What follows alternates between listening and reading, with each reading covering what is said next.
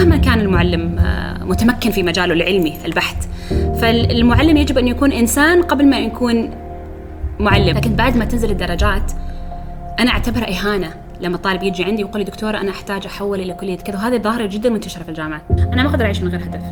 ما أقدر. لأنه ما تصحى الصباح إيش يعني؟ إن كيف نفس الطالب قبل شهرين جاب دي وبعد شهرين جاب ال 95 وإحنا شاطرين نلعب لعبة الضحية. أوف ما أشطرنا. كل شيء عندنا سبب عكسي. يعني عندنا عندنا مشكلة لكل حل. إشكالية إحنا ما نعرف نستقصي المعلومة الصحيحة. ما نعرف نبحث عن الإجابة الصحيحة. هل نحن نجحنا في التعليم عن بعد؟ النصح والإرشاد والتوجيه مطلوب من الأسرة. ولكن الإجبار هو اللي أنا يعني شخصيا ضده تماما. حتى لو كان اختيار خاطئ. الحياة عبارة عن خيارات لحد لحد متى بتختار بتختار زوجته وزوجها ووظيفته ووظيفتها لحد متى خلاص. هل التعليم عن بعد أحدث فجوة بين المعلم والطالب؟ الواحد يقول ما أطيق. ما تطيق وتتخصص خمس سنوات. ليش تضيع خمس سنوات من عمرك؟ في شيء أنت ما تطيقه. عشان أهلي قالوا لي. No لو أنا رسلت لك الإيميل الحين أفتح الإيميل معك. يلا please ورسله للشخص اللي بعده. ليش؟ ليش توقيع ورقة ياخذ أسبوع؟ يعني إيش هذا اللؤم؟ أنا أعتبرها لؤم. حقيقة أنا أعتبر هذا الإنسان لئيم. انك أنت عارف إنك بتجيب شخص من بيته عشان توقيع وأنت جالس اني ما تخيلت في يوم من الأيام إنه أكبر شخص في الدولة يلاحظ اعمالي انت نسيت إنه إحنا نسجل. ف لا هذا هذا لسبب. أنا خبرتك السر بس أنت ما صدقتي يعني إحنا نسوي شيء في الكرك. شكله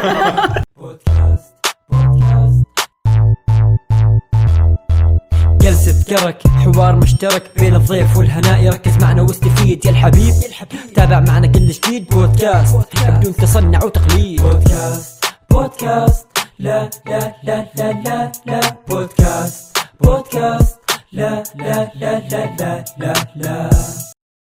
لإدارة قسم المحاسبة يسعدنا تواصلكم على الأرقام التالية.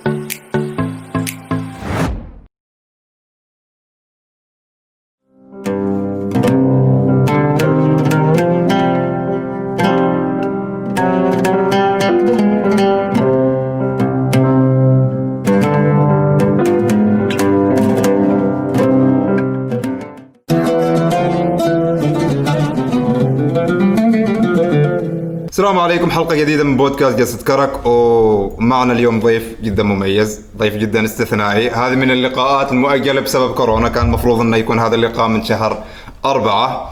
آه واليوم معنا الدكتورة لمياء الحاج. أهلا دكتورة. أهلا وسهلا فيك. شكرا على الاستضافة. الله يخليك الله يخليك. شكرا إنك قبلتي الاستضافة لأنه أعرف انك قد ولش جدا جدا مزحوم بالعكس تشريف تشريف. الله يخليك. آه الدكتورة لمياء هي أستاذ مشارك بجامعة السلطان قابوس وأيضا قائد عالمي شاب في المنتدى الاقتصادي العالمي.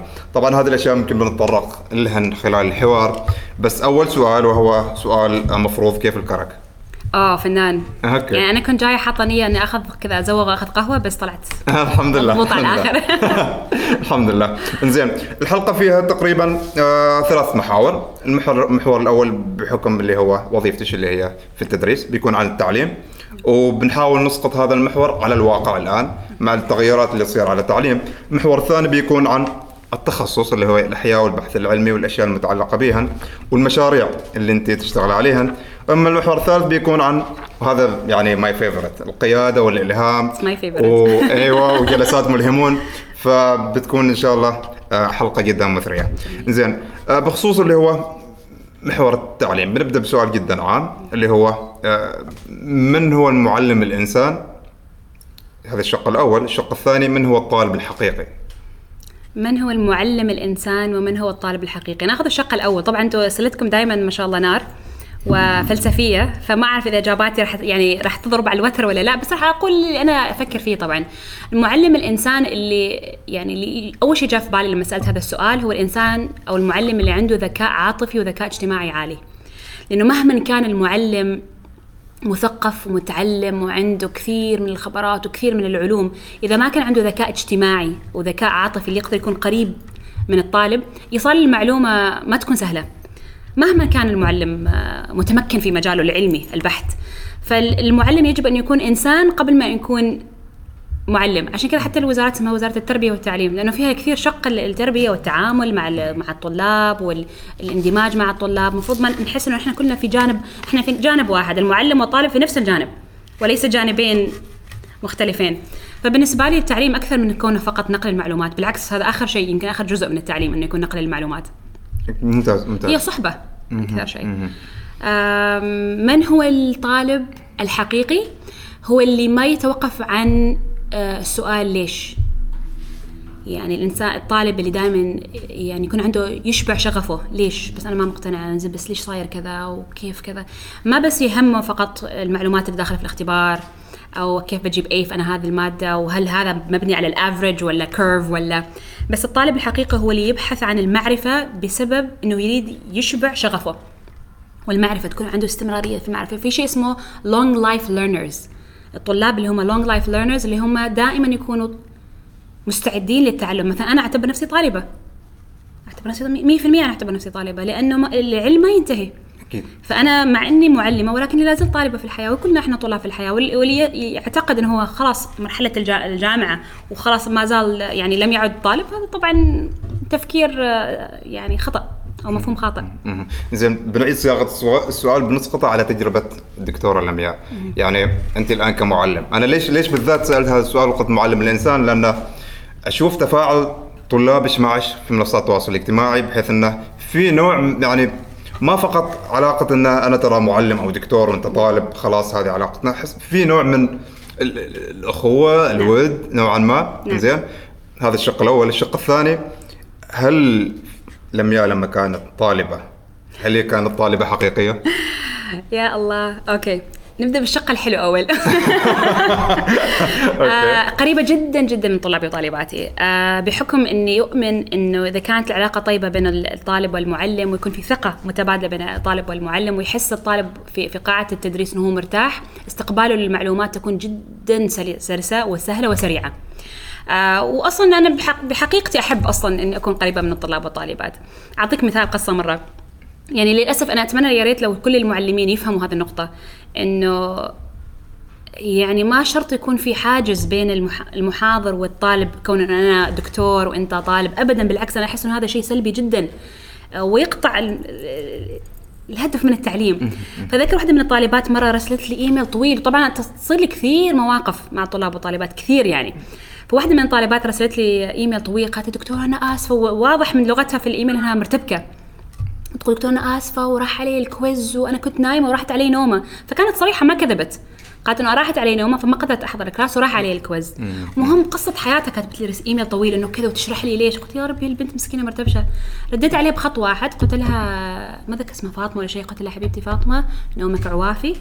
وإن شاء الله الحين يعني استمديتي قوتك. لما تكوني جاهزة حق ال quiz خبريني وبعيد لك إياه. فهي ردت علي مال ها؟ مصدومة يعني مال دكتورة لمية ولا مين؟ فيعني دائما لازم يكون في إنسانية في الموضوع. يعني كل إنسان ممكن ينسى يخطأ يغفو. فأنا اللي, اللي احترمت فيها إنها ما كذبت. يعني وعندي طلابي وطالباتي لأنه في ثقة بيننا. الحين كان عندنا امتحان المنتصف. في مجموعة من الطلاب كان عندهم مشاكل تقنية. وتوقف عليهم ال ال ال الكمبيوتر. طبعا إحنا نحاول نراعيهم كثير. بس واحدة من الطالبات ما استخدمت هذا العذر اللي هو المقبول. قالت دكتور أنا ما كان عندي مشاكل تقنية ولكن حقيقه أنا تأخرت أن أدخل لأنه كان كان عندي ظروف ثانية. بس ما عندي مشاكل تقنية.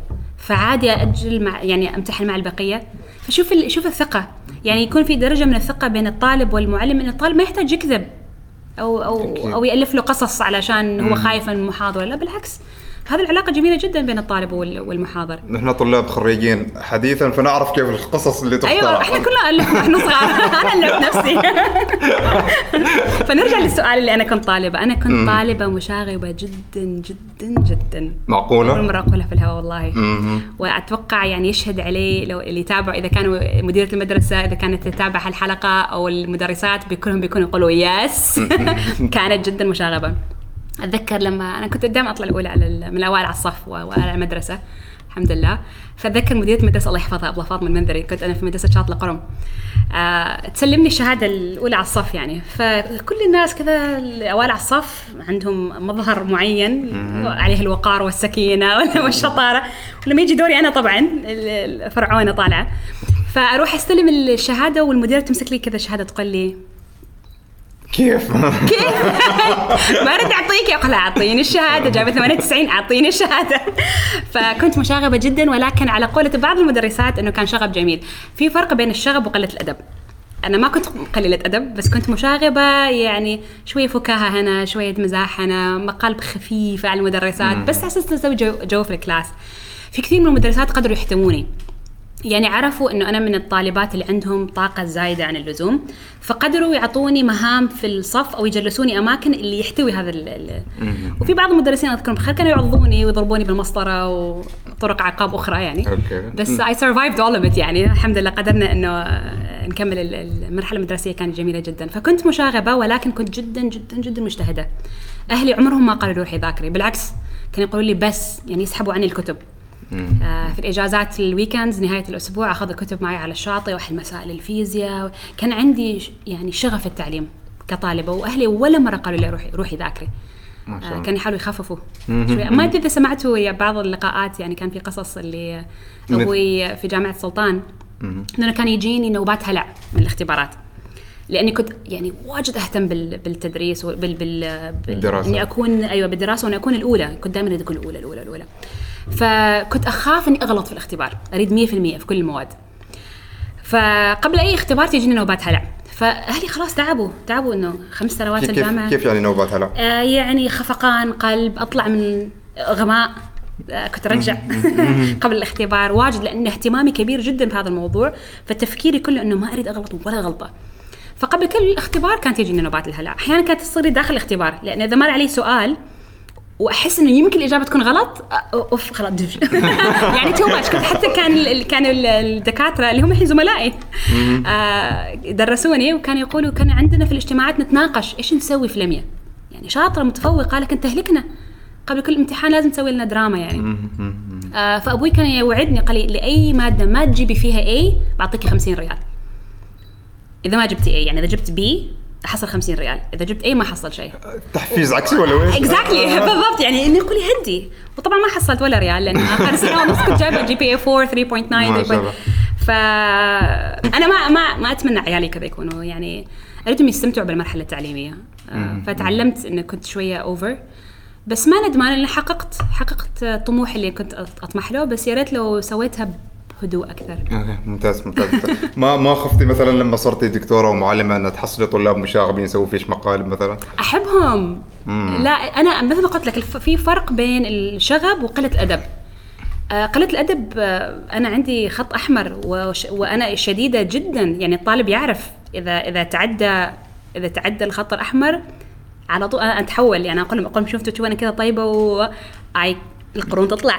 ترى في جانب آخر من لميا you don't want to see it لأن الطالب أيضا جزء من تدريسنا للطالب هو ليس فقط العلوم بس أيضا طريقة التعامل لأن الحياة يعني مدرسة الحياة أهم من مدرسة إيش الدينات وكم دي إن إي في هنا وهذا أي حد ممكن أنت تقدر تقرأ الحين وت... أكيد. ما تحتاج لمية تشرح لك. أكيد. ولكن التعامل مع الناس والذكاء العاطفي والاجتماعي وكيفية حوارك مع الناس أنا بالنسبة لي هذه تسمى مهارات حياتية أهم بكثير من المعلومات. فأنا أتأكد في كل موقف يصير في الكلاس إني أشرح لهم ليش هذا ما مناسب ليش هذا مناسب. بس إذا كان عندي طلاب وطالبات كذا دمهم خفيف واللي يتمازحوا شوية في ال class إذا ما يعطلوا المحاضرة ما عندي أي مانع بالعكس. يعني أنا استمتع يسووا جو في ال- في في المحاضرة. ممتاز ممتاز ممتاز. إيه. في نقطة شدتني اللي هي أن أنت قدرتي تبني ثقة مع الطلاب بحيث أنه هو الطالب ما مضطر أنه يرسل إيميل قصة حياته على أساس أنه يحصل مثلا عذر. فلنفترض إنه okay هذه الطلاب آه مثلا آه، دفعة جديدة طلاب جديدين آه على المادة مثلا اللي انت درسيها نعم. كيف ممكن للمعلم إنه يبني ثقة؟ انت ما تعرفيهم نعم. ممتاز. أنا دائما أخصص أول محاضرة ودائما أخبر الناس أو أهم محاضرة أول محاضرة لأني ما أعطي محاضرة. أول محاضرة ما أعطي محاضرة. كل نتناقش يعني شوف إن الإنسان ما ينصدم لما يعرف آلية عمل معينة. فالتواصل فن التواصل جدا مهم. فأنا أخصص أول محاضرة أتواصل مع الطلاب أخبرهم بالضبط كيف شخصيتي. أقوم شوفوا. لازم تحضروا كل المحاضرات. ما علشان باخذ حضور وغياب لأن أنا أصلا ما أخذ حضور وغياب ما أخذ ابدا حضور وغياب أقول لهم أنتم عقابكم إذا ما حضرتوا المحاضرة إنكم راحت علي محاضرتي راحت عليكم محاضرتي. أوكي؟ لأن محاضرتي أنا أحط فيها كثير من الجهد. أبسط لكم المعلومات أحط لكم إياها على طبق من ذهب. فعقابكم أصلا إنه راحت عليكم المحاضرة. لأنه بتشوفوا إذا ما حضرتوا المحاضرة بياخذكم أربع ساعات بدل 50 دقيقة تفهموا هذا المحتوى فشوركم. بعدين أقول لهم والشيء الثاني كذا وكذا وأعطيهم كل القوانين. أقول لهم إحنا بنستمتع في المحاضرة آه، أريد أريد ناخذ ونعطي آه، أريدكم تكونوا على مستوى عالي من الثقة في النفس. أي شيء حابين تجربوه في class مالي جربوه. باغي تعطي محاضرة باغي تعرض شيء باغي أي شيء تريدوا في محاضرتي مسموح. بس تخبروني قبل. آه نفس الشيء أعطيهم آليات مثل يعني أقول لهم شوفوا ما أريد أي حد يجي يطلب مني درجات نهاية الفصل. طوال الفصل بعطيكم bonus marks. باغي تجتهد في جزء, جزء معين بعطيك bonus mark عليه. تكتب تقرير إضافي bonus mark ما مشكلة. لكن بعد ما تنزل الدرجات أنا أعتبرها إهانة لما الطالب يجي عندي ويقول لي دكتورة أنا أحتاج أحول إلى كلية كذا. وهذه ظاهره جدا منتشرة في الجامعة والجامعات أتوقع كل مكان. انه دكتور احتاج أحول من كلية كذا لكذا احتاج بس أربع درجات. فدائما أقول لهم أقول لهم هذا ما سوق سمك. يعني ما يصير أنا على أي أساس أعطيك أربع درجات؟ أقول أنت نفسك راح تكون الشخص اللي, اللي تطلب رشوة أو تطلب واسطة لما تروح الوظيفه بالضبط. إنه يعني أنت وزميلك تتنافسوا على وظيفة معينة بس أنت بتروح عند المدير تقول بس أعطيني أربع نقاط إضافية على السي في مالي على أساس إنه أنا آخذ الوظيفة. نفس الشيء أربع أكيد. درجات. أكيد. زميلك جايب نفس الدرجة ما طلب الأربع درجات فعلى أي أساس أنا أعطيك أربع درجات تتحول إلى إلى, إلى كلية ثانية؟ فأنا بالنسبة لي هذا مسألة مبدأ. يعني أنا قلت لهم أنا ما ممكن أعطيكم نص درجة إضافية ولا ممكن آخذ منكم ربع درجة. إذا اكتشفت إنه في أنا منقص عليكم حتى ربع درجة مستعده أكلم العمادة عشان أعيد تصحيح الورقة. يعني واضح المبدأ واضح. ممتاز. You get what you do. أنت تجتهد ادائك كذا خلاص. انتهى الموضوع. ففي ففي يعني تواصل في أول في بداية المحاضرات. تخبرهم بالضبط إيش تتوقع منهم؟ لأن الإنسان لما يعرف إيش يتوقع ما يكون ما ينصدم. أما تيجي على طول أنت أوكي يلا محاضرات سلايدات وأنت بس تقرأ من اللوحة وخلاص. ما في أي علاقة. أصلا يصير ملل يعني مي- مي- آه، طبيعي جدا أصلا ما تحضر. بالضبط. بالضبط. يعني أنا أقول لهم للطلاب أقول لهم يا جماعة الحين أنا صار لي ساعة أتكلم مليت أسمع صوتي. ممكن حد يتكلم يشاركني. واحيانا أقول معلومات غلط يعني تخريف. أقول مثلا واحد زائد واحد يساوي خمسة مثلا بس بلغة الأحياء. أيوه، أيوه. وأنتظرهم يعني. أقول في 100 طالب وطالبة هنا. Does it make sense أنا إيش قلت الحين؟ قلت لهم أنتم واحد من الاثنين. يا انكم ما جالسين تسمعوني؟ عشان طبعا واحد زائد واحد ما يساوي خمسة. واحد زائد واحد يساوي اثنين صح؟ أكيد. بس أنا بقولها بمفهوم يعني أحيائي. فأقول لهم واحد زائد واحد يساوي خمسة؟ ويسكتوا أقول لهم يا جماعة واحد زائد واحد يساوي خمسة. لا دكتورة ليش ما تكلمتوا؟ أنا عمدا قلتها. عشان أريد أصحصحكم اللي ما مصحصح. وثاني اللي مصحصحين أريدكم عندكم جرأة تقولوا هي دكتورة انت غلط. You're wrong. أقول تعرفوا كيف أنا أفرح لما أنتم تقولوا لي كذا؟ هم إحنا عندنا فكرة الطالب عنده فكرة إنه كأنه وأتوقع هذا خطأ من الدكاترة حقيقة إنه مقدس لا يخطأ. وهذا خطأ. المفروض الطالب دائما يشك في المعلومة ويشك في المعلومات ويشك ويقول I don't know يمكن كلامها ما صحيح يمكن في شيء. وأنا أستانس أستانس كثير لما طلابي وطالباتي يرجعوا ويرسلوا لي روابط في اليوتيوب يقول دكتورة معلوماتك هذيك قديمة الحين اكتشفوا قريب كذا wow bonus mark. bonus لأنه شوف يعني they're challenging me. أكيد. أن هذا هو شيء أنا أطلبه من طلابي. يكون عندهم ثقة يخرجوا خارج دائرة الراحة. كذا الاجواء في الدول الغرب. يعني أنا لما طلعت ودرست في بريطانيا وفي في أستراليا يعني قلت wow يعني جرأة وثقة في النفس. إحنا عندنا شوية كبت. فما أعرف إذا هذا الشيء مجتمعي أصلا لأنه الطلاب مثلا يجوا من بيئات اللي سمعا وطاعة أيضا لل يعني للأهالي اللي ما تناقش بتحترم ما الكبير تقدر وما يراك- أدري إيه. الاحترام موجود. الاحترام موجود لما ت... لما لما تخالف باحترام هذا هذا لا يناقض أي أكيد، أكيد. يعني لا يناقض بالعكس يعني أنا أرجع أقول وهذا الشيء يمكن أنا محظوظة جدا أن جي أنا خلق يعني نشأت في بيئة سمح لي إنه يكون عندي رأي رأي مخالف رأي مغاير وأنا طفلة. بابا لا ما أعتقد إنه كذا بس ليش كذا؟ عادي مسموح. أما العلاقة اللي مال أنا الأب أو أنا الأخ الأكبر وأنت بس تسمع الكلام هذا هذا يضعف يقتل شخصية الطفل. فنفس هذا الطفل هو بيدخل الجامعة اللي ما بيسأل أسئلة اللي ما بيناقش الأستاذ اللي ما بيناقش مديره ويكون عايش حياة كئيبة لأنه ولا هو لا هو مرتاح في المحاضرة ولا هو مرتاح في وظيفته ولا هو مرتاح في عائلته لأنه ما قادر يعبر عن شعوره. بس الوضع متغير الآن كثير. بشكل كبير. أحس التربية واجد اختلفت الآن في شوي انفتاح أكثر في يعني العلاقات بين الأبناء وال- والأسرة صارت أقوى يعني من من قبل. ممتاز ممتاز. هنا في سؤال كنت مخلينا بعد لكن أحس إنه مرتبط بالموضوع اللي هو آه كيف ممكن تخلق بيئة صحية وفعالة في نفس الوقت آه يعني ممتعة للطالب؟ يمكن إن الطالب وياخذ شوية وقت إن الطالب يعرف إن وقت الجد جد ووقت اللعب لعب. يعني مثلا لما يكون الأستاذ أو المحاضر في في منغمس في في شرح شيء تفصيلي واحد يجي يرمي نكتة ما مناسب. لأن أنت تقطع على المحاضر وعلى. الأفكار وعلى كل الزملاء فأنت الحين تصبح عالة على الفصل. لما إحنا نبدأ مثلا لما أبدأ أمزح شوية هم يردوا يمزحوا شوية أوكي خلاص خلصنا جو أقول يلا يا جماعة يلا كمان نرجع مرة ثانية. فأنا أدير مثل كأنه سفينة وأنا ربان السفينة أنا القبطان لأنه في النهاية هم بعدهم صغار فأنا أخليهم يشعروا بالأريحية بس أقول لهم بالضبط أنا إيش أتوقع. يعني okay يا جماعة okay خلصنا يلا ضحكنا وغيرنا الجو يا جماعة. فأقول كل شيء شفهيا كل الأفكار اللي تيجي في بالي أقول لهم يا شفهيا على أساس هم يحسون okay okay خلاص إحنا معك دكتورة. آه، فهذا أتوقع هذا كل المهارات اللي تحتاج شوية من التدريب شوية من الانتباه. يعني ما في فايدة المحاضر يروح يه- يهاوش مباشرة الطالب. إذا أنت اوريدي بديت تمزح أنت فتحت باب.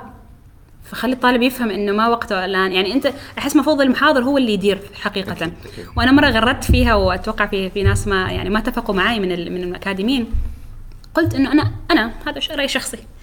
90% من درجة الطالب مسؤولية المحاضر. أنا بالنسبة لي أنا.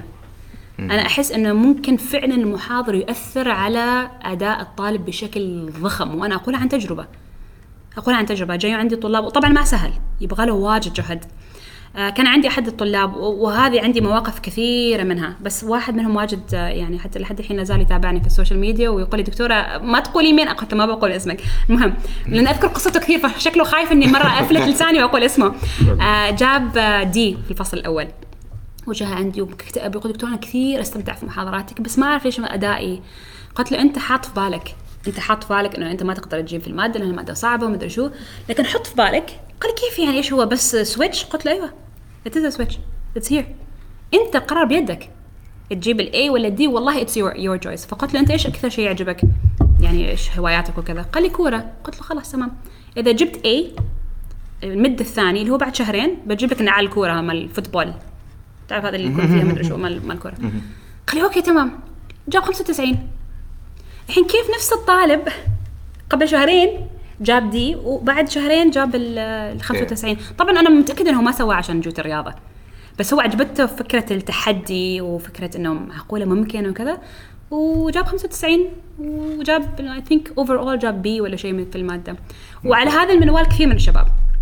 كثير من الشباب. في واحد كان في ال في ال ال إيش يسموه؟ ال third probation الملاحظة الثالثة. الملاحظة الثالثة. آه واتصلوا فيني إدارة الجامعة. أنا كنت ال advisor ماله.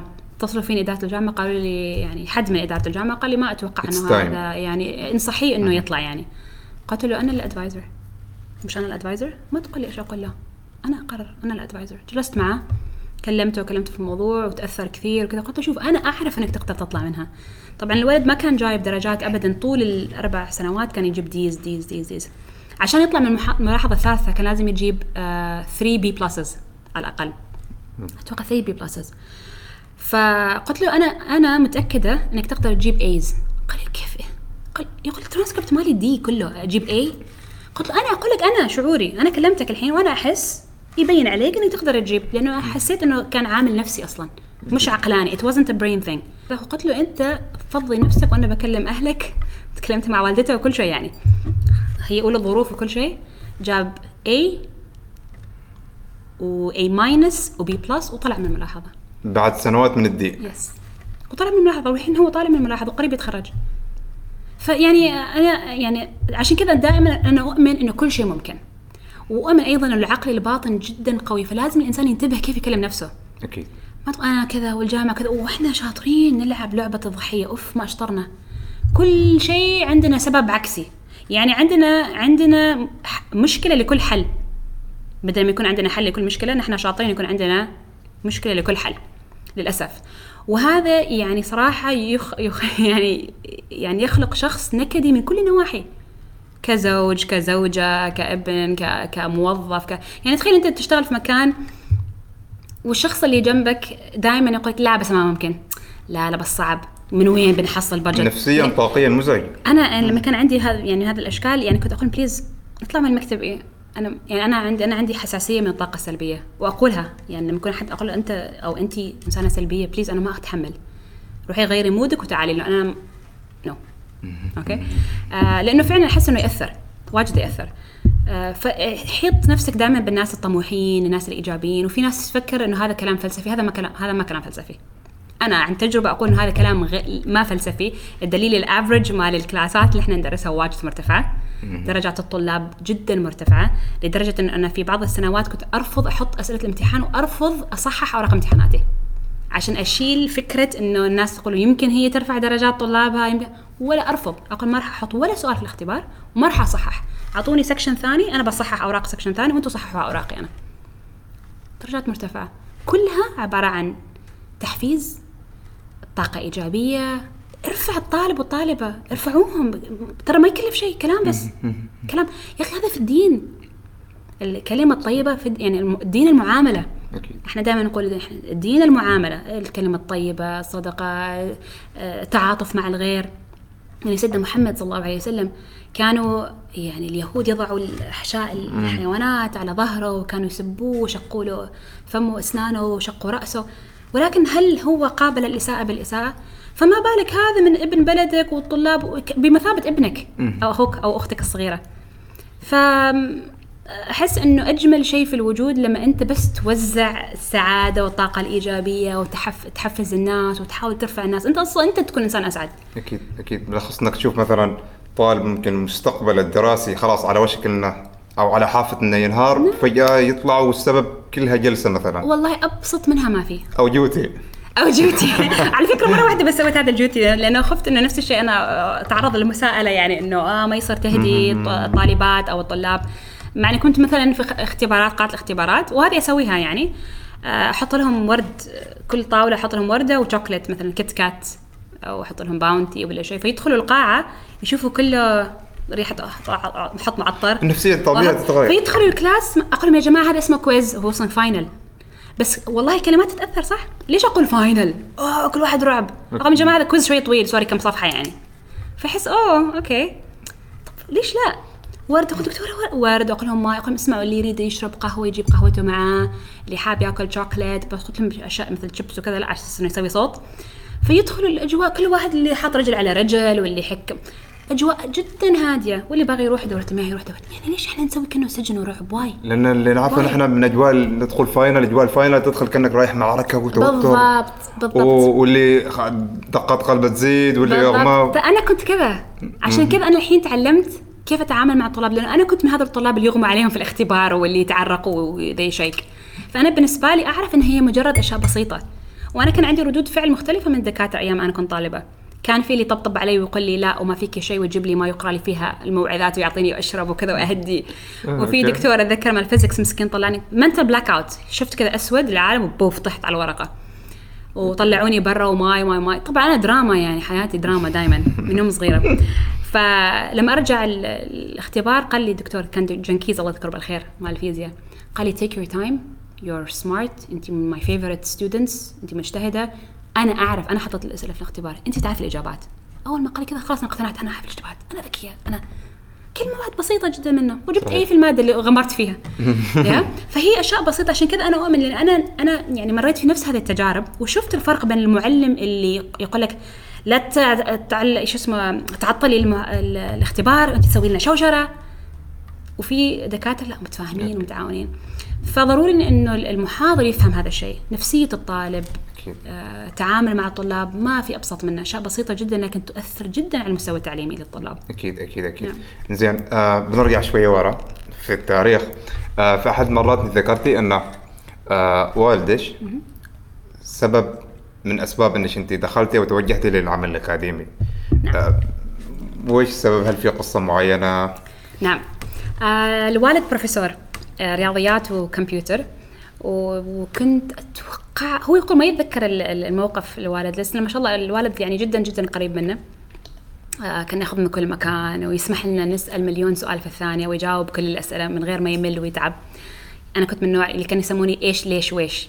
لميا إيش ليش ويش. عشان كنت كل دائما ليش؟ إيش؟ بس كيف كذا؟ يعني كنت دائما كطفلة أسأل كثير. والوالد ما كان أف خلاص صدعتينا كان يجاوب يجاوب يجاوب كثر ما يقدر. فذاك مرة أخذني أنا وأختي الكبيرة إلى قاعة المحاضرات هو كان يدرس في الجامعة العربية في العين. آه الوالدة كانت في البريمي تشتغل في المستشفى. فكان يدرس هناك وأخذني أنا وأختي. آه، طبعا ما كان في هذيك الأيام يعني طلاب وطالبات. كان في بس إحنا لما رحنا في القاعة كانت فاضية في أول مرة. ثاني مرة كان فيها طلاب. بس هي صارت أول مرة أتذكر. فالمدرجات كبيرة في الجامعة وجلسنا إحنا في قاعة التدريس وأبوي تحت كذا في نشوف الوالد. وطبعا أيامها كان سبورة وطبشور يعني. ويسوي نفسه كانه يشرح لنا. فأنا حسيت إنه واو. يعني حسيت إني فخورة في أبوي. وحسيت إنه أنا أريد أكون يعني كانت مثل الشرارة مثل السبارك يعني صار إنه مال I like that وبعدين نسيت الموضوع خير تعرف الطفل كيف باغي يكون مليون شيء لحد ما يكبر يكون آه، مدري شرطي مدري مال مطافي محامي كل شيء صح؟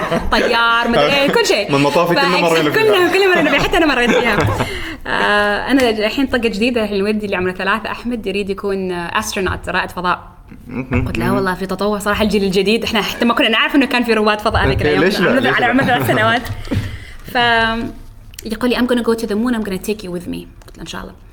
آه فهذا أتوقع هذاك الموقف هو اللي بدأت فيها الشرارة اللي أريد أكون فيها محاضرة. بس أيضا أمي ألهمتني أيضا ان بغيت ان أمي كانت ضابطه تمريض آه تخرجت من اسكتلندا وكان اهتمامها بال, بال, بال يعني هي رحيمة جدا بالناس جدا جدا رحيمة وجدا متعاطفة جدا متعاطفة مع الناس. آه محبوبة من كثير من كثير من الناس يعني. فحسيت إنه فيها وظيفتها فيها رحمة فيها تعاطف مع الناس فيها appreciation تقدير. الناس كانت كثير تقدرها كثير. فحسيت فترة كنت اريد اكون ممرضه حتى اتذكر مرة غرت قريب كان في سؤال حد كاتب إذا أنت ما كنت في وظيفتك الآن إيش كنت بتكون؟ كتبت تمريض. شفتها لا شفتها؟ إيوه. اي كنت كنت بكون ممرضة يعني. ولما خلصت الدكتوراه قلت حل زوجي طبعا زوجي آه، يعني الله يذكره بالخير يعني تحمل مني سنوات من الدراسة. أنا تزوجت أنا في السنة الرابعة من الجامعة. فخلصت الجامعة والماجستير والدكتوراه خلال الزواج يعني عشر سنوات. وهذا كان مهري لما جاء هو يخطب أبوي قال البنت ما تريد مهر. مهرها هي عندها لحد. الدكتوراه. فمستعد أنت تكمل معاها الماجس البكالوريوس والماجستير والدكتوراه. فزوجي قال أيوه على باله إنه بغير رايي يعني لما خلص لما نتزوج. فقال كيف قلت له طبعا أنت مهري هذا. فما شاء الله وفى يعني كفى وفى ممتاز. آه فأتذكر أول ما خلصت الدكتوراه كذا رحت كذا على استحياء أستأذن منه. قلت له ممكن أدرس تمريض؟ قال نعم زوج عليكي قلت له بس خلاص آه، كنسلنا الفكرة. ف... فهذا شغف الت- ال- ال- التدريس التعليم ال... ال... أبوي ألهمني من ناحية التدريس بس حقيقة حتى أمي ألهمتني كثير في مجال ال- العطاء وال...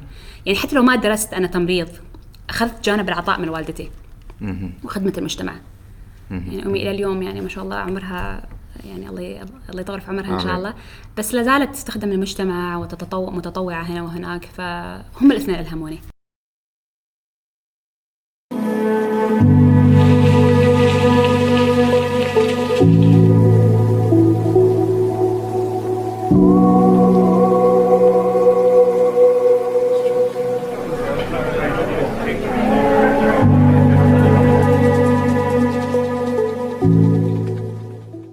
زين بننتقل تو للتعليم نعم.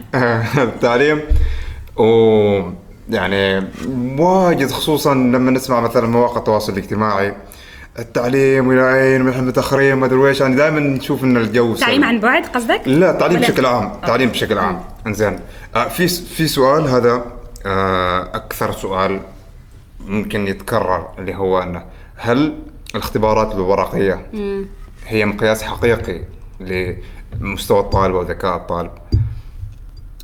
أصلا الذكاء أنواع. يعني في خمسة أنواع من الذكاء.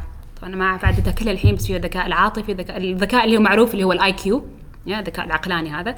بعدين في الذكاء الاجتماعي الذكاء العاطفي والذكاء خمسة أنواع. فأنا بالنسبة لي مفهوم أصلا تقييم الذكاء تغير الحين. يعني إحنا إذا نقول امتحانات ورقية وأسئلة اللي هي مبنية على المعلومات اللي إحنا ناخذها في المحاضرة إذا هذه مبنية على ال IQ فقط. وفي ناس عندهم أنواع أخرى كثير من الذكاء. وحقيقة يعني المنتدى الاقتصادي العالمي الآن قيم أنواع من المهارات اللي يحتاجها العالم. الذكاء اللي هو ال IQ الاعتياد اللي إحنا متعودين عليه ما موجود من أول خمسة. فن التواصل الذكاء الاجتماعي الذكاء العاطفي هل هذا إحنا نختبر الطلاب فيها؟ هذا المطلوب في العالم. علشان كذا أنا بصفة شخصية أسويها في- في محاضراتي. وأقول لهم أقول لهم يا جماعة هذه ال- ال- المعلومات اللي أنا أشرح لكم إياها العلمية بحاول أخففهم خلاص على السريع. روحوا ذاكروا أنتم وحدكم في البيت بس أنا اللي أريد أعلمكم المهارات الثانية لأنه فعلا هي هذه المهارات هي اللي بتجيب لك وظيفة. هي اللي راح تخليك ناجح في الحياة. فإجابة على سؤالك لا. ما أعتقد إن الامتحانات الورقية هي يعني الوحيدة اللي تقيم الطالب. هي جزء أو نوع من أنواع التقييم نعم. بس أنا أحس إنه المفروض تنزل كثير وعشان كذا أنا لما مسكت coordinator منسقة المادة أول شيء سويت شطبت على الامتحانات أكثر. قصتها. كان 99% اختبارات. الحين صار 50% من 50 ثانية تعرف ليش 50%؟ لأنه غصبا عني إنه إدارة الجامعة تقول 40% لازم ال final فأنا ال final لازم أحط 40% لأنه غصبا عني. ولو أنا عليه كنسله حتى ال final عندنا شيء اسمه Bio's Got Talent تعرف كيف America's Got Talent الناس يقوموا مهارات وكذا ويكون في judges إحنا نسوي نفس الشيء بس في الاحياء سوي فيديو سوي لك تجربة سوي لك أي شيء interview اطلع برا سوي لك شيء. YouTube channel أي شيء website programming برمجه لهم عندكم ثلاث شهور تشتغلوا عليه. هذا كأنه midterm واخليهم يشتغلوا في فرق. فيجي أحيانا عندي طلاب يقول دكتور ممكن أشتغل لوحدي؟ أقول لهم okay بس بنقص منك 2% ليش دكتورة؟ بشتغل لوحدي. قلت بالضبط هذا عقاب. لأنه أنت ترفض تشتغل مع الجماعة. ومن مهارات القرن ال 21 التعاون. أكيد. أنت ما تفتي تتعاون فبيروح عليك 2% فيبدأوا يفهموا آه الحين فهمنا هدف ال project مال الدكتورة. فيكون لأنه إحنا طبعا أنا ما ألوم الطالب. لأنه نحن ال- ال- ال- ال- الكادر الأكاديمي والمنظومة التعليمية ما بس في عمان في الدول العربية والعالمية أصلا الحين. يعني الحين بدأت تتغير بس نحن عودنا الطالب على التلقين والحفظ. يعني أنا أنا ضد هذه الفكرة تماما. ولو لو عليه حقيقة أخلي الاختبار 20% و80% أعطيهم open book مثلا أعطيهم quiz أقول يلا يا جماعة شرط هذا ال quiz تفتحوا الكتب. ها؟ يستغربوا الطلاب كيف يعني؟ أقول شرط ال quiz إنك تفتح الكتاب. يقول الدكتور نغش قلت لهم لا ما تغشوا. أنا أقول لكم تفتحوا الكتاب دوروا على الإجابة. قلت استخدموا جوجل استخدموا سيري. أقول يلا أنا أنتظركم افتحوا يلا أعطيهم الكويزات وأقول لهم افتحوا واطلعوا برا تستخدموا التليفون روحوا اسألوا دكتور الفيزياء في القسم أي شيء تريد بس تجيبوا لي الإجابات. ما متعودين. صحيح. فأنا أقول لهم تعرفوا ليش أنا أسلوبي كذا؟ ليش دكتورة؟ قال okay هل إحنا عندنا مشكلة في العالم نقص المعلومات؟ ولا متوفر ب- بكثرة؟ متوفر بكثرة صح؟ صحيح الاشكاليه إن إحنا ما نعرف نستقصي المعلومة الصحيحة. ما نعرف نبحث عن الإجابة الصحيحة، بالعكس إحنا أصلا نعيش الآن في يعني انفجار من المعلومات. صرت ما تعرف إيش المعلومة الصحيحة والمعلومه المعلومة الكاذبة، فأنا أعطيهم معلومة رقم أكبر مشروم في العالم هو كذا كذا كذا موجود في القطب الجنوبي what فهم يروحوا يدوروا يبحثوا جوجل. is true آه لا هذيك مشروم ثاني كان في دولة. ويستمتعوا يتناقشوا مع بعض. أقول يتكلموا مع بعض غشوا غشوا. افتحوا الكتب يلا كل واحد يروح يغش يلا. فأشجعهم فيصير في ضحك في ال class ودكتوره ما عندي انترنت و... فتصير في ضحك يصير في وناسة. فيفهموا الفكرة. يفهموا انه الفكرة من الع... عشان كذا يبدأوا يحبوا العلوم ويحبوا المعرفه يحبوا المحاضرات. كان عندي bonus question مرة في الاختبار. قلت لهم خلصتوا الاختبار؟ أيوه. قلت لهم مين يبغى درجات زيادة؟ قلت طبعا كل حد أنا قلت okay. بعطيكم سؤال. اللي يريد يحل يحل واللي ما يريد ممكن يطلع عادي. إحنا خلصنا الاختبار. بس عليه أربع درجات.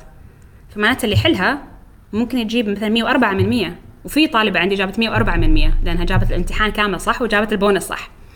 كان في مقطع متداول في الواتساب. إنه رز إنه هذا الرز مستورد من ما ادري وين وهذا معفن وخربان وشفتوا كيف صار لونه أسود؟ لأن ما حطينا فيه الماي ماي الرز صار أسود فقلت لهم okay. على مبني على الأشياء اللي درسناها نحن في البيولوجي 1 في المختبر.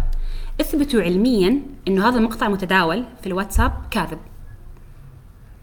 فأنا إيش سويت هنا؟ خليتهم الحين من هذيك اليوم وطالع يشكوا في كل مقطع.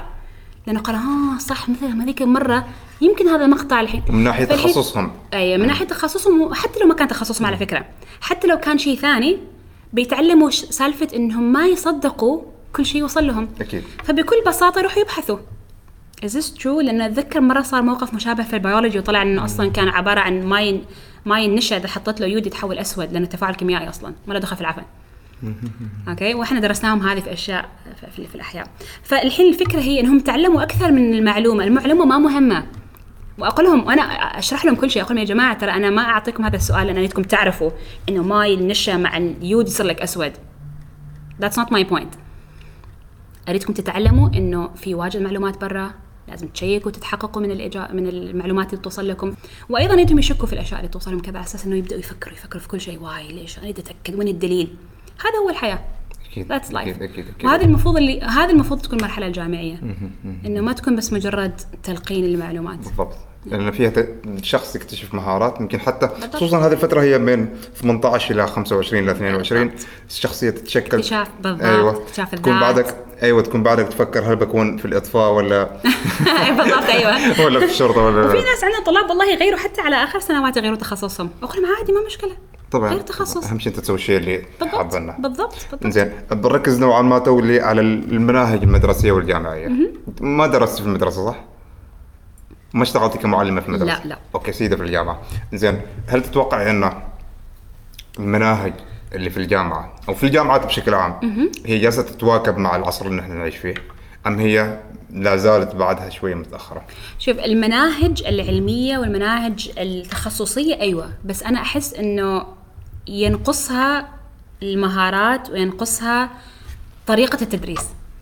يعني المحتوى العلمي مطلوب. لأنه أنت في النهاية راح تكون شخص تقني. يعني مثلا أنت بتكون مهندس ما يصير والله درسوا مهارات فن التواصل. بيقول لك إيش دخل أنا بصلح البيب مال مال خزانات النفط. إذا ما تعرف تقنيا بي- بيصير انفجار في البيبات وبنخسر 5 مليون. فنحتاج تقنيا تكون أنت متميز. فإذا نحتاج إلى مناهج تعليمية ونحتاج إلى مهارات تقنية. وهذه موجودة. ولكن إحنا نفتقر من الجانب الآخر المهارات الحياتية. فأنا ما بقول إنه هل المناهج مناسبة ولا لا أتوقع المناهج المحتوى مناسب ولكنه لا غير كافي. إذا اعتمدنا فقط على المنهج التعليمي البحت راح نخرج أجيال كأنها جوجل في راسها. روبوتات. بالضبط روبوت. بالضبط. وهذا ما راح يميزك في في المسار الوظيفي ابدا. أكيد. مثلك مثل أي خريج. ولكن إيش يميزك؟ المهارات اللي أنت تكتسبها في الجامعة. ممتاز. عشان كذا أنا أشجع أيضا الطلاب كثير إنهم يشاركوا في ال- الأنشطة على أساس يعوض النقص اللي موجود فيه. فلما نتكلم عن الجامعة عندكم ال- ال- المحتوى العلمي وعندكم بعدين المهارات اللي تكتسبوها من المؤتمرات من المشا... ال- الجماعات اللي اللي يشتركوا فيها اللي في مسابقات منافسات. والله يتعلموا في هذا أكثر منها طبعا منها. طبعا طبعا. وأنا هذا من من من تجربة يعني إنه ال- المهارات اللي الآن يعني أنا الحمد لله بعد يعني الوظيفة اللي انقبلت فيها ما لها علاقة بتخصصي بس لها علاقة بالأشياء اللي كنت اسويها خارج التخصص جميل جميل فحتى مثلا أصحابي كذا أقول لهم ترى okay حلو إنه يكون عندك grade فنان زين بس على الأقل آخر سنتين نعم. انغمس شارك نعم. مؤتمرات شارك نعم. الأشياء الثانية أيوه أنا ممكن أوضح شيء هنا لأنه أحيانا يصير سوء فهم في لما المشكلة في تويتر إنه عندك آه، مساحة بسيطة لابداء رأيك يعني ما ممكن تتناقش أشياء طويلة فيعطيكم العافية إنكم توضحوا بعض الأمور هنا يعني أتذكر مرة ذكرت إن أنا كثير أتكلم عن المهارات وأهمية المهارات. فيتحمسوا بعض الطلاب. أيوه صح كلام الدكتوره لمياء قالت ما مهم ال GPA أهم شيء مهارات قلت لها لا أنا ما قلت أنا ما قلت. فاحيانا يصير في يعني تحريف لبعض الكلام. الفكرة هي إنه إذا أنت تيجي wow يعني أنا بس الفكرة حمستني. إذا أنت تيجي طالب خريج وتصفع بال GPA مالك وتصفع بالمهارات والله بيتهاوشوا معك الشركة كل حد بيتهاوش عليك. صح؟ أما إذا أنت واجد شاطر في المهارات بس ما واجد علميا أو واجد متمكن علميا بس مهاراتك صفر وهذه صارت okay؟ ما تتحصل وظيفة. عادي 3.9 ما يتوظف. أنا أعرف زميلات 3.9 ما حصلوا معيد في الجامعة وحصلوا أقل اللي أقل منهم. لأنه عندهم أشياء ثانية تساعدهم. أحسنت. فالفكرة هي إنه أنت توازن بين أدائك الأكاديمي وأدائك العلمي والمهارات المكتسبة. سلاح. powerful ما حد ما nobody can stop you. ما حد يقدر يوقفك خصوصا مع القرارات الجديدة اللي هي إن تحديد الرواتب مثلا ما يكون على الشهادة أو المعدل كثر ما إنه هو على المهارات. Yes. خصوصا هم بدوا قبل هذا الشيءء في أمريكا. أتوقع إنه في توجه. في توجه. عالمي على على على توظيف based على أو أساس مبني على على المهارات. على. المهارات. زين. التعليم في زمن كورونا. يعني أنا عندي تواصل نوعا ما مع أصدقاء محاضرين في في جامعات وكليات. آه، الصورة اللي وصلتني خصوصا حتى من الجامعة اللي أنت فيها انها ترى هذه تجربة مرة ونتمنى إنها تخلص بسرعة. ف وأنت خصوصا إن الثقة اللي تبنيها وطريقة تدريسك يعني واجد تقربش من الطلاب. نعم. فالسؤال من شقين. هل نحن نجحنا في التعليم عن بعد؟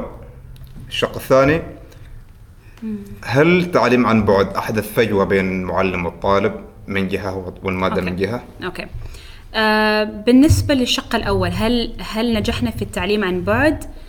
يعني ما أقدر أقول انه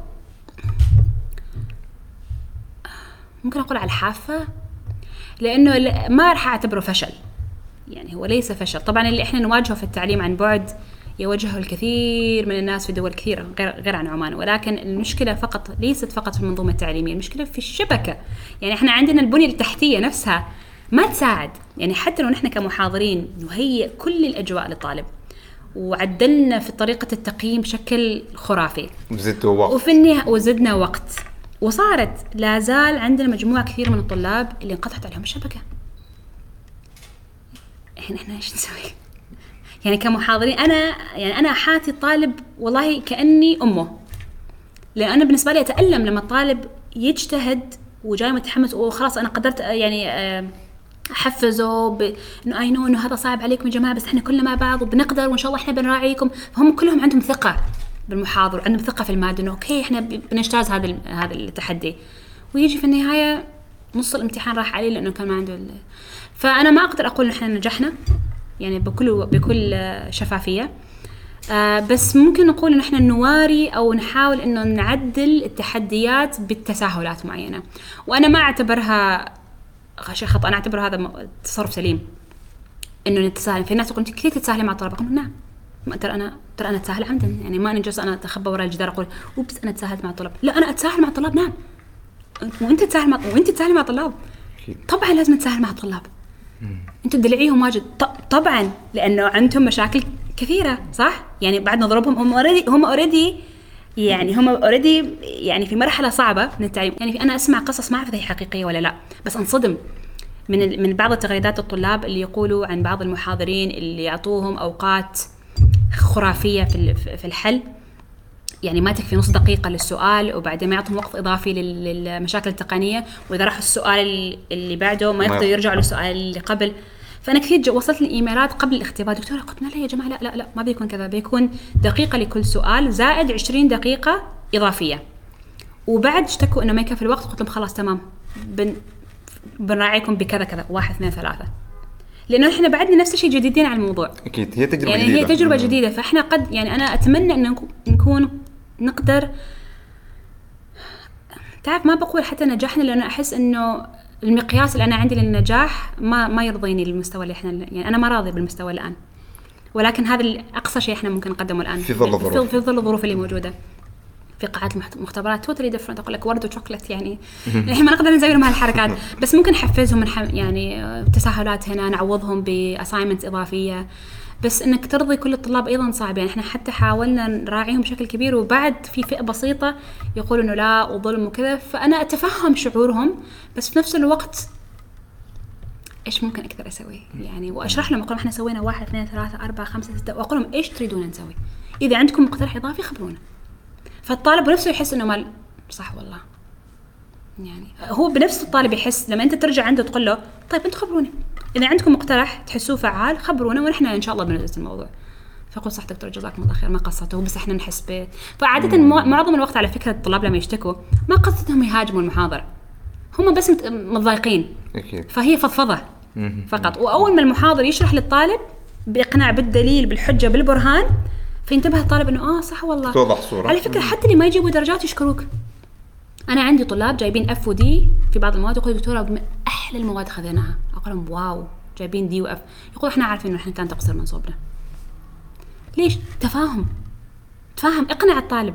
كذا كذا كذا. فهو الطالب بنفسه سبحان الله حتى لو ما يجيب درجات يكون يستمتع في المادة.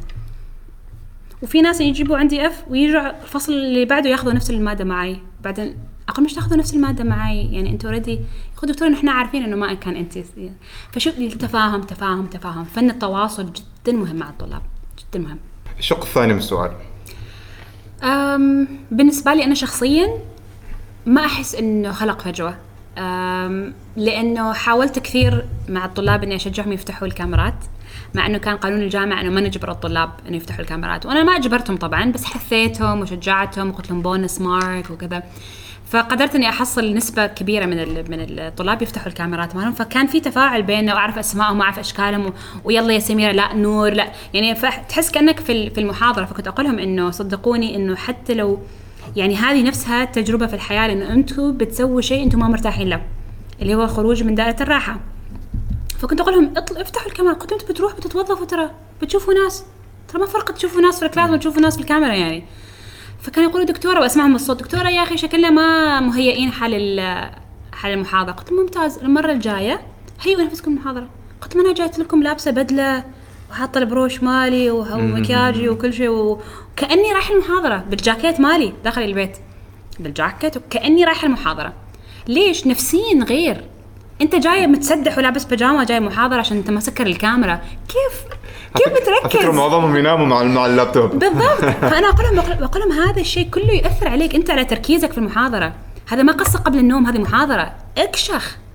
تعال كاشخ المحاضرة. يعني فاقول لك اليوم اللي بعده الحمد لله الكاميرات مفتوحة وال- والشباب والبنات كلهم متهندمين وتفاعل والشات مليان. حتى لدرجة إني اضطريت أفتح two screens عندي في البيت.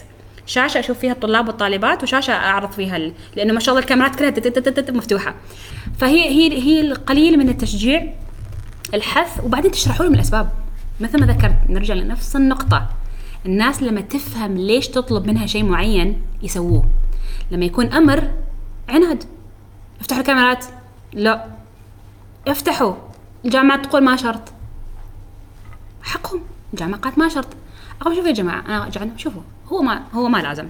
وأنا ما عندي يعني الحق إني أجبركم لكن أخبركم ليش أنا أفتح ال cam وليش أنتم تفتحوا ال cam. فأول مرة لما رفضوا يفتحوا ال cam قلت خلاص ممتاز أنا بسكر الكاميرا عندي. بشرح لكم بس بالصوت. لا دكتور إحنا ما آه ما تستوعبوا؟ قلت ممتاز. أنا أحس نفسي أتكلم مع لوح. لما ما في كاميرات أحس نفسي وأقول لهم يا جماعة أنتم هناك؟ أيوه دكتورة يفتحوا كل مرة. أيوه أيوه أيوه. أقول مش افتحوا الكاميرات. المايك mute ما أدري. بالضبط exactly فالحمد لله اقتنعوا. لما فهموا الأسباب واعطيتهم بالمثال وقالوا آه okay الحين فهمنا. okay we got it yeah فصار يفتحوا الكاميرات فصار في واجد تفاعل لدرجة كنت أقول لهم okay خلاص جماعة تحمستوا واجد. صار في ضجة. ما شاء الله ما شاء الله تفاعل رهيب جدا في ال class. يعني مع إنه اونلاين بس جدا في تفاعل. أسئلة تطرح ونقاشات وكذا. أتذكر حتى يعني ساعدوا بعض. واحدة من المرات الشباب كان كاتب في الشات ما يطلع عندي وأنا ما أريد يفوتني المحاضرة. إحنا نسجل المحاضرات. بس لدرجة انه مع إن المحاضرات مسجلة الكل باغي يحضر المحاضرة. يعني أنا عندي 100 آه 98 في- في في صفي. ما أقل عن 85 محاضراتي. وما أخذ الحضور والغياب. واقول لهم ما مجبرين تحضروا لأن المحاضرات مسجلة. ما يقل عن 85 فلما يكتبوا لي دكتورة في الشات دكتورة الشبكة عندي ضعيفة. أقول يا جماعة لا تتوتروا ترى أنا مسجلة المحاضرة. لا إحنا نحضر محاضرتك. في تفاعل في انجيجمنت يحسوا إنه أنا هناك مهتمه فيهم ويحسوا ان أنا موجودة هناك أجاوب على أسئلتهم. يقولوا غير لما نتابع بعدين لأنه في في في نقاشات في ال class. حاطين في بالهم إنه هذا class. ففي طرق إنك تجذب الطلاب والطلبات. هل نفس قاعه المحاضرات؟ لا طبعا. أنا أشتاق جدا لقاعه المحاضرات. جدا. لأن أطلب من الطلاب ينزلوا يشرحوا وأنا أجلس مكانهم. آه، أحيانا تصير مسرحيات بسيطة. يعني أطلع كذا مجموعة شباب أنتم قطرات ماي يمسكوا كذا أنتم جزيئات ماء هذا هيدروجين هذا واكسر هذا الرابط. وكذا فحماس يعني أجواء ال class رهيبة يعني. بس هل ممكن نخلق تفاعل في الأونلاين؟ نعم. بمهارات ال- المحاضر واستجابة الطلاب والطالبات. تبقى أن هذه تجربة يمكن ما تتكرر بعدين. أيوه بالضبط. وبعدين هي تجارب شخصية. يعني مثلا تسألني أنا أقول بالنسبة لي إنه أنا راضية بمقدار 60% 70% بس لأن أحس إنه في بعض الطلاب بعضهم يعني يواجهوا مشاكل في في التقنية اللي للأسف خارج عن عن إرادتي. وأنا أواجه تحديات اللي هي ما قادرة أصل للطالب اللي هو بال- بال- بالمسرحيات الصغيرة هذه الهادفة ولا هم ينزلوا تحت ويشرحوا slide يراجعوها و يعني شوية مهارات أكثر في في ال class ولكن مقبول. أكيد أكيد مقبول. أكيد أكيد. زي ما ننتقل ل- ل- ل- لنقطة ثانية اللي هي عن ال- الطلاب. يمكن أنت واجهتي نفس هذه نفس هذه النوعية من الطلاب كثيرين اللي هم يدرسوا التخصص بس هم أساسا يريدوا تخصص آخر بسبب إن مثلا أبوه أو أمه أجبروه.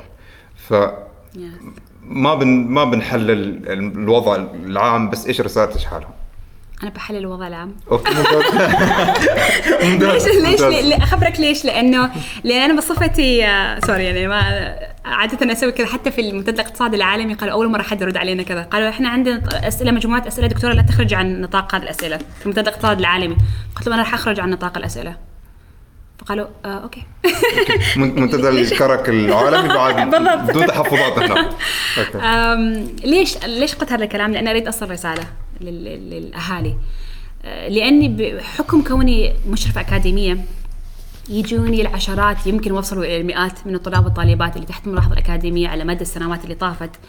حقيقة معظم معظم الطلاب والطالبات اللي في الملاحظة الأكاديمية لأنهم يدرسوا تخصص هم ما يريدوه. هم يدرسوا تخصص ما يريدوه لأنه أهلهم جابرينهم يأخذوا هذا التخصص. فهي رسالة والله هي يعني إيش قد ما تكون هي موجهة للطالب هي موجهة لأهل الطلاب أكثر. خلي ولدك ولا بنتك يدرسوا التخصص اللي هم يريدوه وجه أبنائك. اعرض عليهم إنه يا جماعة ترى هذا أفضل من هذا هذا مجال الوظيفة فيه أحسن هذا ما مشكلة. طبعا إحنا في النهاية أهالي أنا عندي أولاد وأكيد بوجههم وأنصحهم. بس هل أجبرهم على تخصص معين؟ النصح والإرشاد والتوجيه مطلوب من الأسرة. ولكن الإجبار هو اللي أنا يعني شخصيا ضده تماما. تماما أنا أهلي كانوا يريدون اخذ طب وكانوا وطبعا في كذا يعني bribes إيش bribes يعني إيش مق- رشاوي ولا إيش؟ أي- أيوة، أيوة، أيوة. يرشوني يعني إنه. يعني لو دخلتي طب بنعطيك أخواني يقول بنعطيك كذا مبلغ وابوي وأبوي. فحقيقة عجبتني الفكرة بس لأنه يعني أعتبر شاطر ها لو دخلت طب يعني كنت صغيرة كنت 17 سنة خلصت ثانوية عامة فكان نسبتي بفاصلة اثنين أقل من مش فاصلة اثنين أقل من كلية الطب يعني قبول لكلية الطب. كنت جايبة 97.7 وهم 98 كان مطلوب. فما حصلت الطب في الفصل الأول بس دخلت في العلوم وجبت امتياز عالي وحولوني كليه الطب في الفصل الثاني. بعدين قلت لا I'm not doing this for يعني يعني درستي طب ما درست. أول ما تم أول ما حطوا اسمي في اللائحة إني مقبولة وشفت يعني قالوا لي انه مقبولة قلت بوبس يعني مثل ال... لحظة لحظة لحظة جد؟ يعني أنا كان كانت تسكيتة من آه أنا بقدم. أكيد ما بحصل. تعرف هذه الحركة اللي ما أنا بقدم أصلا ما بحصل. فقدمت وحصلت. فلما حصلت اوزك أوبس لحظة لحظة. هذا الموضوع جد يعني. فقلت لا ما ما أريد. ولا مرة ندمت. يعني ما ندمت اطلاقا إنه إنه أوه ليش ما اخذت طب ابدا ابدا ما ندمت على الموقف. فتبعت شغفي وخبرت أهلي لا ما أريد ما أريد طب. وما هم بس كانوا يشجعوني ويوجه- يوجهوني فالرساله هي إنه الأهالي المفروض يوجهوا ويشجعوا ولكن بليز أرجوكم خلوا أبنائكم هم يختاروا تخصصاتهم لأنه في النهاية هذه حياتهم هم. حتى لو كان اختيار خاطئ. الحياة عبارة عن خيارات انت لحد متى بتختار بتختار زوجته وزوجها ووظيفته ووظيفتها؟ لحد متى خلاص. طالب جامعي كيف تختار عنه التخصص؟ فايضا واجهت بعض النقد لما طرحت هذا الموضوع في تويتر.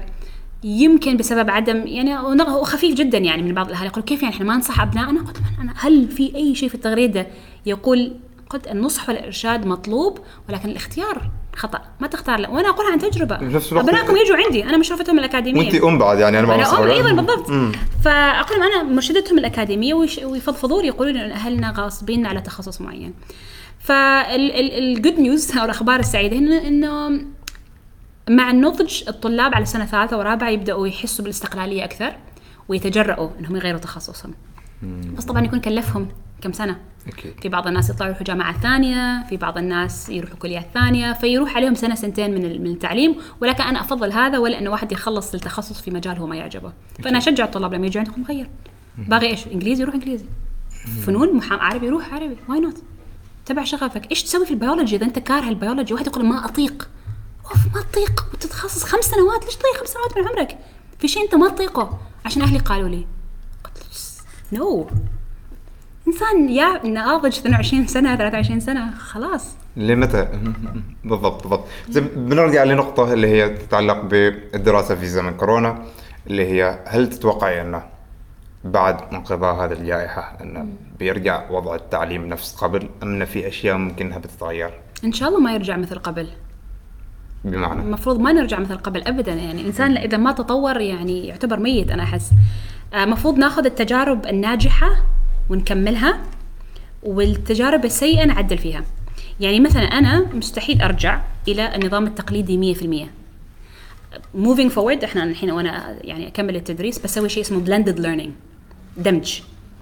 بيكون عندنا محاضرات لأن المحاضرات أنا حسيتها ضرورية جدا تكون في قاعة المحاضرات. آه والمختبرات لازم كيف تسوي أنت مختبر أونلاين؟ هي تجارب فلازم تكون في المحاضرات في الجامعة. فمن هذه النواحي بنكمل في الجامعة بس أيضا من ناحية التقييم والكويزات وال assignment والاختبارات كلها أونلاين بتكون. كذا الطالب يحصل شوية من ال- التعليم ال- عن بعد وشوية عن التعليم التقليدي. فيكون عندك خليط من أو مزيج من التعليم التقليدي والتعليم ال- الحديث أو الحديث، التقني. حلو. آه وأيضا لازم الطلاب يفهموا إنه في النهاية أنا أقول حق طلابي أنا هدفي إنكم إنه أجعلكم ما تحتاجوني. يعني أنا هدفي كمحاضر أنا بكون ناجحة إذا الطالب ما يحتاجني anymore. لأنه في النهاية المحاضر يعتبر ما يس- يسمى في يعني محاضر في في الثورة الصناعية الرابعة وفي العصر الجديد الحديث الآن ينتقل من كونه المحور الأساسي في التعليم إلى كونه facilitator مساعد مسهل. مساهم مسهل. أنتوا عندكم workshops مع بعض. أوكي في شيء اسمه أيضا PI peer instruction peer instruction لما أنتوا تعلموا بعض طلاب وطالبات لأنه عقليتكم نفس الشيء نفس العمر نفس البيئة نفس فممكن يشرحوا لبعض بطريقة أفضل. ونحن نكون مثل المرشدين نكون في القاعة تحتاجوني في شيء أسهل لكم الآلية عندكم عدلة. فمفروض يعني التعليم المتطور كذا يكون. فأنا هدفي إنهم الطلاب ما يحتاجوني. يعني في بعض الطلاب في البداية كانوا يسألوني أسئلة في بداية ال- ال- المادة يسألوني أسئلة جدا مباشرة. دكتورة كم نوع من الطحالب في مثلا. wow يعني لهم كذا لهم إيش سؤالك؟ أوكي. Hey Siri how many types of algae are there? فتقول 30,000 أقول لهم 30,000 وأنا عمدا sorry Siri ما قاعد sorry Siri I'm talking I'm talking. فاسويها لايف يعني عليهم. ليش؟ لأنه اريدهم هم حدهم يحسوا من غير ما أنا أعلمهم من غير ما أقول لهم آه شفتوا؟ فأسوي الحركة أقول لهم ما كان ممكن تسوي هذا الشيء؟ يقولون يا فهذا هو التعليم أنا بالنسبة لي. فنفس الطلاب لما يسألوني سؤال أرد عليهم أقول لهم كيف أنتم بتحصلوا هذه الإجابة؟ لو أنا لو يعني أنا الحين أرد شوف أنا ممكن أجاوبك أقول 30000 هل أكون أنا فتة؟ لا معناته راح يضطر يعتمد علي كل مرة. دكتور لميا انزين وكم نوع من المدري طح الفنجاي 60000 إنزين دكتورة من إيش عملية البناء الضوئي؟ أوكي تحويل واي I'm not Google or Siri. Just Google it. بالضبط. بس الطلاب والطالبات متعودين على التلقين تلقين ودودود وأنا نفسي كنت متعودة لما كنت خريجة الجامعة. أتذكر لما رحت الأولى من جامعه سلطان قابوس فرحانه رايحه أستراليا. على بالي أشطر واحدة في العالم. رحت هناك أتذكر رايحة بنوتاتي كذا مع عند الدكتورة سألتها سؤال وأنا على بالي إنه هي بتستانس على سؤالي إنه أوف مجتهدة هذه شافت علي كذا والله حسيت بقمة ال- الفشلة شافت علي قالت لي did you read your books did you read any books فأنا ما على بالي إنه بس النوتات إحنا متعودين مرخصات صح؟ إيه. إحنا كذا جامعاتنا مرخصات فقلت لها لا قالت لي كم مكتبة دخلتي؟ ها؟ إحنا مفهوم ندخل مكتبة أصلا. إحنا نروح المكتبة بس نذاكر. ما نروح المكتبة نستعير كتب خارج عن المنهج ونقرا ونطالع صح؟ فقلت لها نان. قالت لي كم مصدر راجع رجعتي له قبل ما تسأليني هذا السؤال؟ أنا اعتبرتها هي مصدر. اعتبرت المحاضر مصدر المعلومة. مثل ما إحنا طلابنا الآن يعتبرونا إحنا مصادر. فأنا إذا أريد أنفعهم ما أجاوبهم. أجاوب سؤالهم بسؤال. واقول لهم أقول لهم استحملوني. ترى أنا ممكن أعطيكم الإجابة بس, بس والله. أحبكم. أيوه مصلحتك. فأنا بخبرك كيف تحصل على الإجابة. يقول لك لا تعطيني سمكة علمني كيف أصطاد. what I'm doing. فصح إني أكون شوية صعبة معهم بس أشرح لهم ليش. يصير في تقبل. أكيد. فن التواصل كل التدريس عبارة عن فن تواصل. اقنع الطالب قل له أنت ليش تتصرف هذا الشيء. أنا حتى التقييم على فكرة أقول مثلا عليه 10% خبركم ليش. 2.5% فن التواصل. كيف؟ هذا جزء من ال assignment بيسوي كذا كذا. Which means مخك كذا بيسوي. آه يقتنعوا كامل. يعرفوا ليش 5% وليش 10% وليش أنا. كل شيء نشرح لهم. كامل. فما يصير في أي انتقادات ما يصير في أي ضيق انهم فاهمين. حتى لو كان صعب. حتى لو كان صعب يتقبلوا. ف نرجع للسؤال إيش كان السؤال إنه السؤال هل بيرجع التعليم؟ إن شاء الله ما يرجع.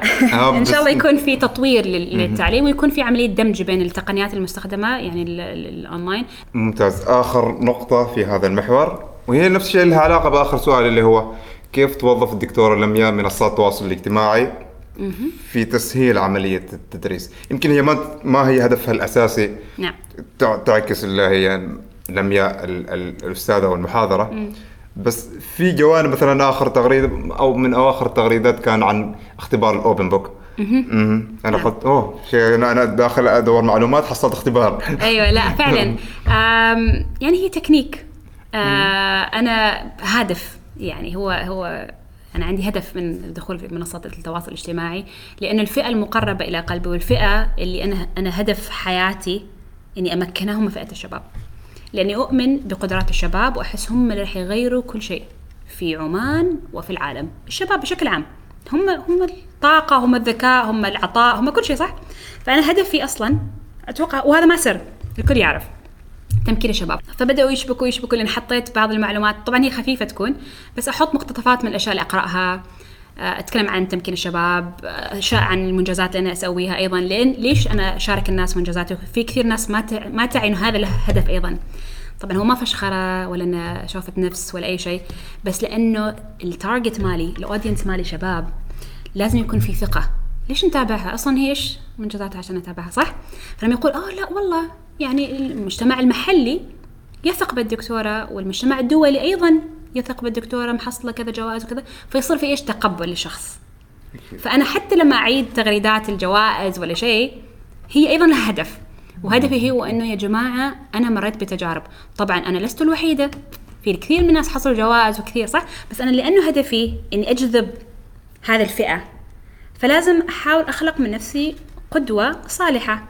فإذا هم وعسى الله سبحانه وتعالى يكون يعني قدرني على هذا الشيء. إحنا دائما كل إنسان مقصر يعني لكن نحاول.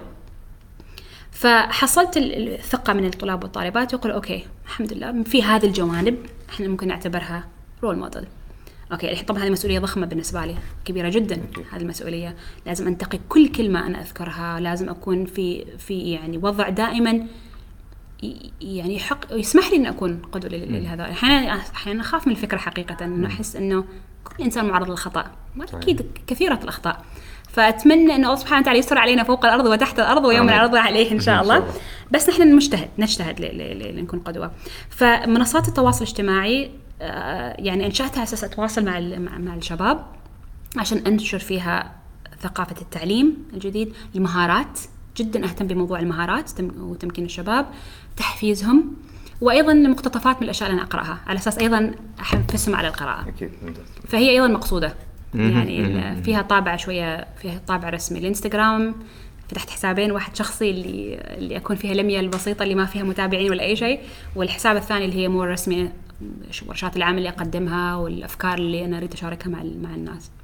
فهي أصلا هادفة. يعني في مواضيع معينة فقط اللي أتكلم فيها في في المنصات التواصل الاجتماعي. أمتنع عن المواضيع الثانية.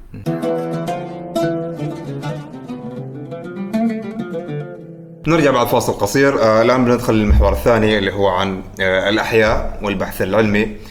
آه، أنا عندي فضول يعني حاولت أحصل الإجابة من من اللقاءات اللي قبل بس ما حصلتها. لي- ليش بالذات الأحياء؟ يعني أوكي أنا أعرف ناس عندهم فضول مثلا في الأدب في الهندسة في الطب أيوه. ونفس الوقت ناجحين. بس يعني أول مرة أشوف شخص في الأحياء وما شاء الله آه، في المدرسة في البكالوريوس في الماجستير حتى في الدكتوراه كلها تفوق تفوق تفوق. إيش سر هذا الشغف؟ إلهام من مدرستي. آه مدرستي الله يذكرها بالخير ابله عليا في ثاني ثانوي صف الثاني ثانوي. الحين أتوقع يسموها إيش؟ حادي عشر. آه كانت مدرسة رائعة جدا. أثارت فيني الفضول والشغف. عشان كذا أنا أؤمن بالإلهام كثير. يعني هذه غيرت مسار حياتي. مع إنه الوالد يعني تخصصه رياضيات وكمبيوتر فواحد يتوقع إنه يمكن شوية أنا أميل لهذا التخصصات الوالده كانت في, في التمريض. طبعا هذا له علاقة بالأحياء. بس حقيقة أنا يعود الفضل بعد الله سبحانه وتعالى إلى مدرسة الأحياء اللي ألهمتني إنه أحس إنه واو السؤال ليش واجد موجود في الأحياء؟ لأنه عبارة عن أشياء كانت حية. كل شيء يعني الأحياء هو كل شيء حو حو حولك يعني. كل شيء حي أي شيء حي حولك عبارة عن أحياء. ففيها إجابات لأسئلة متكررة في الحياة. فكانت بكل بساطة بسبب الإلهام اللي حصلته من مدرستي في صف ثاني ثانوي. ما شاء الله يعني هذا الإلهام قوته استمرت إلى إلى انه يكون هو إلى المهر اليوم بالضبط. اللي كان هو المهر بالضبط. زين آه بندخل نوعا ما شوية لسؤال أعمق اللي هو عن البحوث اللي أنت أكيد عملتي بحوث كثيرة بس البحوث اللي نوعا ما آه، صرحتي عنها. آه في في تويتر اللي هو آه عن الوقود الحيوي من الجيل الثاني والثالث. زين؟ آه بنتكلم عنه بالتفصيل. آه بالإضافة إلى هو أنه إلى ثروة الطحالب. نعم. أول شيء عن الوقود الحيوي. إيش المقصود؟ وإيش الهدف منه؟ كيف ممكن أن هذا يساهم أن نحن كمجتمع أو حتى كوطن نتطور؟ ممتاز. أم، خلال دراستي للدكتوراه درست آه، إنتاج الوقود الحيوي من الطحالب. ففي شقين في شق الوقود الحيوي وفي شق الطحالب. آه، بس استخدمت تقنيات متطورة جدا في الدكتوراه آه، اللي هي تخصصات ال- الهندسة الوراثية وتحور الجين ونقل الجينات من كائن حي إلى آخر.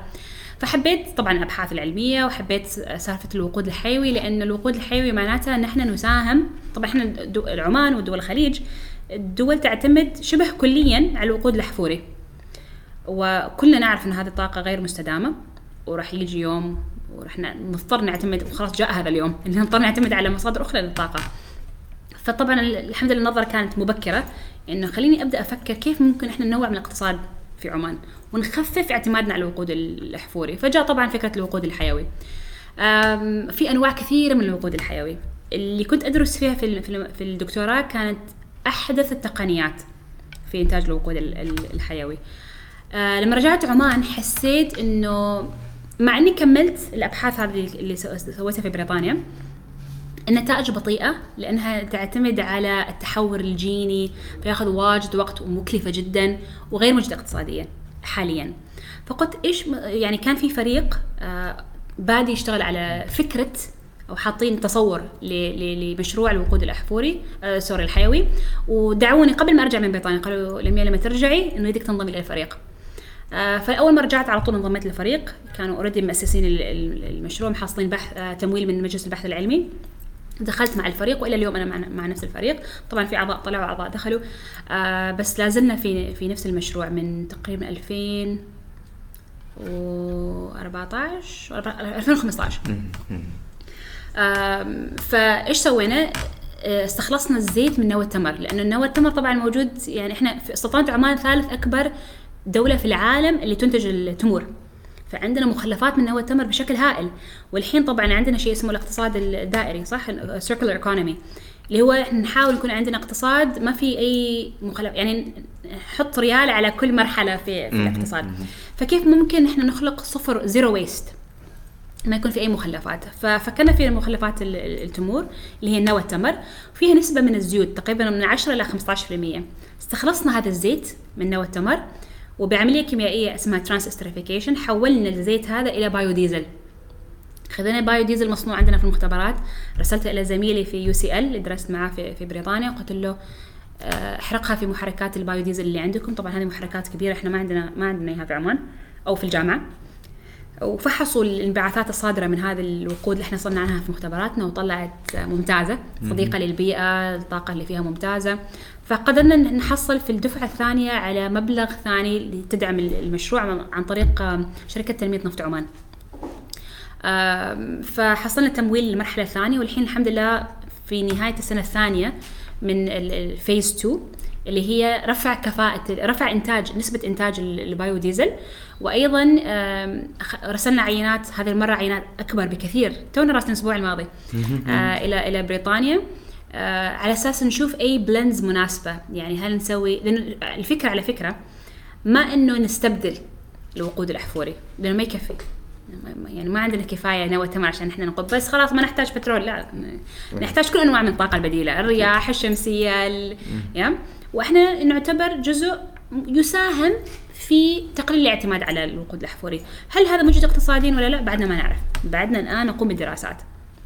بس عندنا بلان بي عندنا خطة باء اللي هي؟ إذا صار أقولها يعني؟ إذا صار وطلعت مجدي مجدي اقتصاديا بسبب خفض تكلفة الإنتاج الحين مع التطور التقنية ممتاز. إذا لا بنوقف في نص المرحلة اللي هي الزيت لأنه زيت نوى التمر نفسه عبارة عن منتج ذو قيمة اقتصادية عالية. فإذا صار انه البايو ديزل ما مجدي اقتصاديا بنقول okay تمام ما مشكلة. إحنا بنوقف عند سالفة استخراج الزيت من نوى التمر فإحنا ما خسرنا شيء. أكيد أكيد، يعني أكيد، إحنا. كذا كذا فا- فايزين في الموضوع. يا انه نسوي بايو ديزل يا نسوي نوى التمر الزيت من نوى التمر طبعا الزيت من نوى التمر هو إحنا already عارفين إنه هذا منتج غالي يعني فلا مجدي اقتصاديا. بس إحنا هدفنا لأنه هدفنا renewable energy طاقة متجددة نأمل إنه مع تقدم التقنية مثل ما على فكرة الطاقة الشمسية صارت لها جدا منخفضة. زمان كانوا يقولوا إيش طاقة شمسية مكلفة؟ وخلايا وما. وايش هذا ما راح ينفع. والحين من أرخص التكاليف لأن التقنية تطورت. فنحن ما نريد ننتظر التقنية تتطور في العالم ونقول والله كيف إحنا ممكن نسوي البايو ديزل لا إحنا عارفين في عمان. عارفين exactly what to do أول ما تنزل التكلفة نحن جاهزين نصنع. وإحنا عارفين نسوي العملية كاملة من الالف إلى الياء الآن. في مختبراتنا ومسويين تدريب للشباب والبنات العمانيين. يعني إحنا فريقنا عماني. كامل. ممتاز. طبعا كان عندنا في البداية آه، ناس وافدين. تعلموا هم هم بعدين قلت لهم أنا خبرت الوافدين. قلت لهم يا جماعة ترى أنا هدفي إنه العمانيين ما يحتاجوكم. أنتم بترجعوا بلدانكم في النهاية وأنا جدا شفافة وصريحة في تعاملي. وما حد يزعل مني لأن أخبرهم الواقع فقط بمزاح وكذا. فخبرته الدكتور فاروق هو من باكستان. قلت له شوف فاروق my goal انه هم ما يحتاجوك. ضحك. قال you firing me قلت له لا بنجيبك consultant بنجيبك أنت. يعني مرشد ولا ولا يعني يرجعوا لك ك consultant وفعلا نجيبه يعني مرة في السنة نجيبه شهرين يدربهم على الأشياء الجديدة ويروح ويرجع. فمثل ما قلت فن التواصل جدا مهم. آه والشفافية في الكلام. فعندنا شباب ويعني وشابات عمانيين في الفريق كامل كلهم عمانيين. آه ويقوموا بإنتاج البايو ديزل وهم مغمضين الحين. والله الله. أتوقع مليون مرة أشطر مني يعني. الحين أنا أرجع لهم. في مشكلة. فاهمين أكثر مني. كل يوم هم شغالين على هذا الموضوع. أنا. أشتغل على ألف شيء يعني في اليوم الواحد. هم تخصصهم هذا الآن. فعندنا كوادر عمانية مهيئة. آه والنتائج جدا مبشرة. الحمد لله لما أعطينا نتائجنا السنة الماضية لشركة تنمية نفط عمان أعطيناهم double اللي كانوا طالبين منه. وان شاء الله بنسوي نفس الشيء هذه السنة. ممتاز بس ممتاز أم، يعني إن شاء الله ما يشوفوا هذه الحلقة لأن أنا اخبرهم مش يسمعوها من بيقولوا أوه بيسمعوها من من كرك نقدم لهم هذه النتائج شهر 12 أوكي. بالنسبة للأبحاث المتعلقة بالطحالب يعني عادي أقولها على الهواء؟ عادي طبعا عادي طبعا أنا نفسي ال- الحماس مالي في هذا المجال قل. يعني كنت مجتهدة في البداية بس أنا من النوع اللي يحب النتائج سريعة سريعة سريعة؟ لما شفت إنه المشروع مال نوى تمر ناجح جدا وكذا حماسي كله وطاقتي انتقلت هنا لأن حسيت إنه جدا واعد وحسيت إنه في دعم مادي كبير already ممولين إحنا.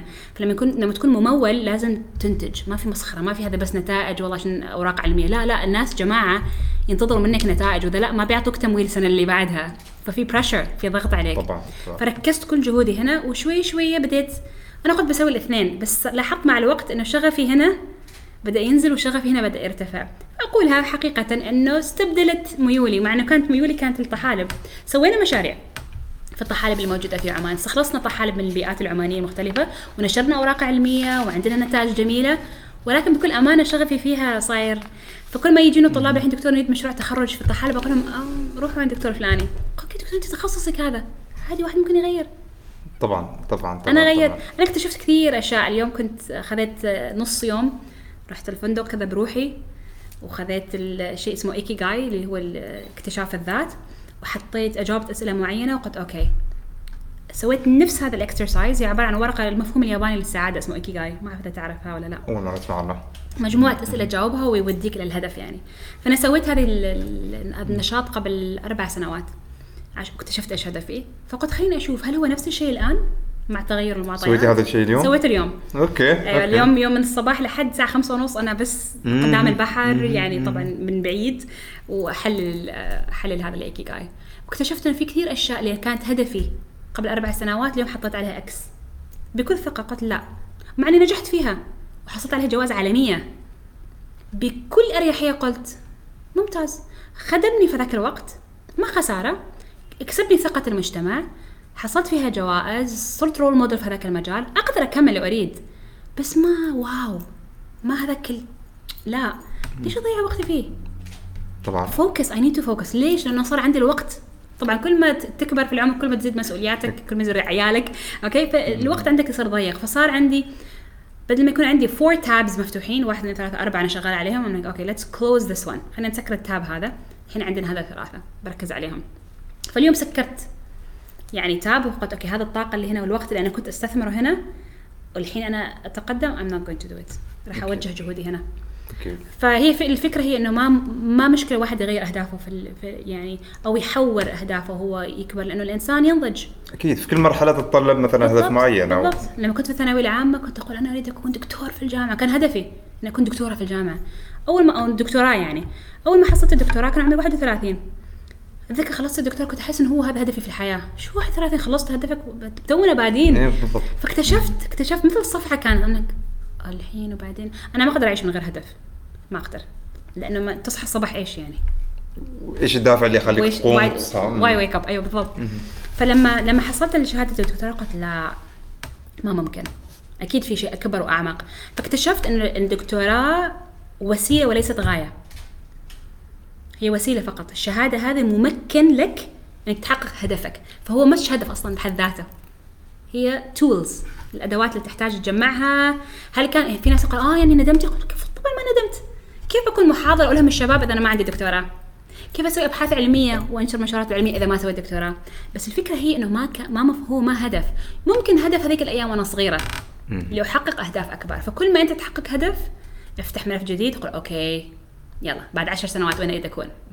سنوات وين أكون؟ اللي بعده واللي بعده وكل ما تكبر بتلاحظ إنه أحلامك وأهدافك تصير كبيرة كبيرة كبيرة وتخاف منها أصلا أكيد يعني أنا أكيد. هدفي أصلا شيء كبير لدرجة إنه أنا ما أعرف أصلا كيف أحققه بس هو أريد يعني أريد أحقق هذاك الشيء أكيد. كيف ما أعرف أكيد يعني مثلا حتى هدف الدكتوره لما كنت مثلا أيام المدرسة تشوفي شيء كبير ما تعرفي. كيف تحققيه بالضبط. بس يمكن بالضبط. بعد خمس سنوات أو عشر سنوات يمكن إن شاء الله يكون البرنامج استمر سوينا 2000 حلقة. يمكن نسال يمكن نسالك هل تحقق الهدف ولا لا. بإذن الله يكون متحقق بإذن الله ان شاء الله إن شاء الله إن شاء الله إن شاء الله. زين آه ننتقل لجانب ثاني اللي هو عن زراعة الأعضاء. أنت تحدثت كذا مرة عن ما أعرف أحس أن هذا الموضوع ما أريد أقول دخيل كثر ما أنه هو جديد على المجتمع. نعم. زين آه وش هي المفاهيم مغلوطه عنه؟ آه أنا ما أتوقع إنه أقدر أك- أتكلم بعمق في هذا الموضوع لأنه أنا اكتشفت يعني أنا اكتشفت يعني إنه أقدر تشريعيا وشرعا قانونياً حتى. وقانونيا يعني شرعا وقانونا إنه ممكن نتبرع بالأعضاء. طبعا هو جدا سعيد يعني سعدت جدا بهذا الشيء لأن ما كنت أعرف إنه شرعا وقانونيا يصير. فأول ما اكتشفت تحمست واجد لأنه أنا أحب العطاء. فإيش الشعور إنك تقدر تعطي وإنت أصلا ما يعني ما موجود؟ واو يعني يعني أنت أصلا ما موجود ولكن يستمر العطاء يعني ما في أجمل من هذا ال- الشعور. فمن غير تردد يعني أنا حسيت إنه دفنتلي طبعا من غير ما أخبر أهلي ولا شيء بس يعني أريد يعني إنه أحث الناس على هذا الشيء وأنا أسوي إن شاء الله الله مكنا وهذا جت من ناحية آه، توعية من واحد من الدكاترة اللي هو based في في فرنسا اسمه دكتور حمد الكلباني. صادفت حسابه بال- بالصدفة يعني وتحدث عن ال... هو كثير مجتهد في هذا المجال.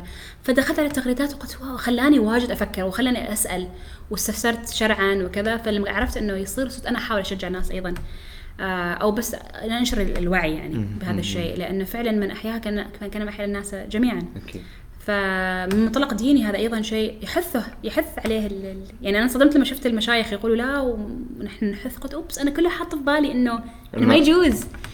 فانصدمت لهذا الشيء فحسيت نفسي جاهلة طبعا في هذا المجال وتوني اكتشفت هذا المجال.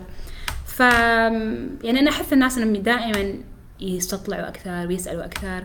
وأيضا شيء ثاني تعلمت من هذا الموقف إنه ممكن انسان واحد يحدث فرق. يعني هذا الدكتور اجتهد في نشر الوعي في هذا المجال وألهم الكثير من الناس وربما أنقذ حياه الكثير من الناس. إذا كل إنسان يركز جهوده في رسالة معينة هو رسالته كانت زراعة الأعضاء. أنا رسالتي تمكين الشباب أنتم رسالتكم الهام الناس صح بالقصص بس. كلها تصب في النهاية في مجرى. واحد لو كل واحد يركز في هدف معين متنوع يعني في النهاية راح يكون في تنوع كبير صح؟ يعني ما لازم كل واحد يسوي الثاني يعني أنا okay هم أنتوا جلسة كرك إحنا جلسة كوفي وإحنا جلسة عصير ليش؟ ليه يعني okay هم هدفهم شيء أنت إيش هدفك أنت؟ ما لازم تكون مقلد، أنت إيش هدفك؟ رسالتك أنا في كثير ناس توصلني دكتور لو سمحتي تكوني معنا في برنامج كذا كذا، قلت لهم شوفوا يا جماعة أنا ما ضد البرنامج ولا ضد الفكرة بالعكس أنتوا اللي تسووه رائع جدا جدا جدا. بس ما من أولوياتي أنا. أنا ما أريد اسمي يكون على كل شيء. حملة كذا وحملة كذا وحملة كذا. بعدين أنت لازم تكون أيقونة في مجالك. لازم تكون أيقونة في مجالك. ليش؟ الناس لازم لما تقول الاسم يربطوك بشيء. لم يتمكن الشباب لم البحث العلمي أنا عندي ثلاث مجالات. التعليم واقولها التعليم البحث العلمي والإلهام وتمكين الشباب. وأنتم ضربتوا على الوتر. المحاور. مبنية على هذا. بالضبط. عشان كذا أنا لما شفت اسئله قلت wow أنا من غير تعليق. I'm coming لأنه فعلا ولما تجيني الدعوات وتجيني كثير من الدعوات ثلاث إلى أربع دعوات يوميا تصلني. في موضوع كذا أقول يا جماعة no no no أنا يعني موضوعكم جدا مهم بس ابدا ما مجالي. أكيد. يا ما قالوا تكلمي عن مجلس الشورى مجلس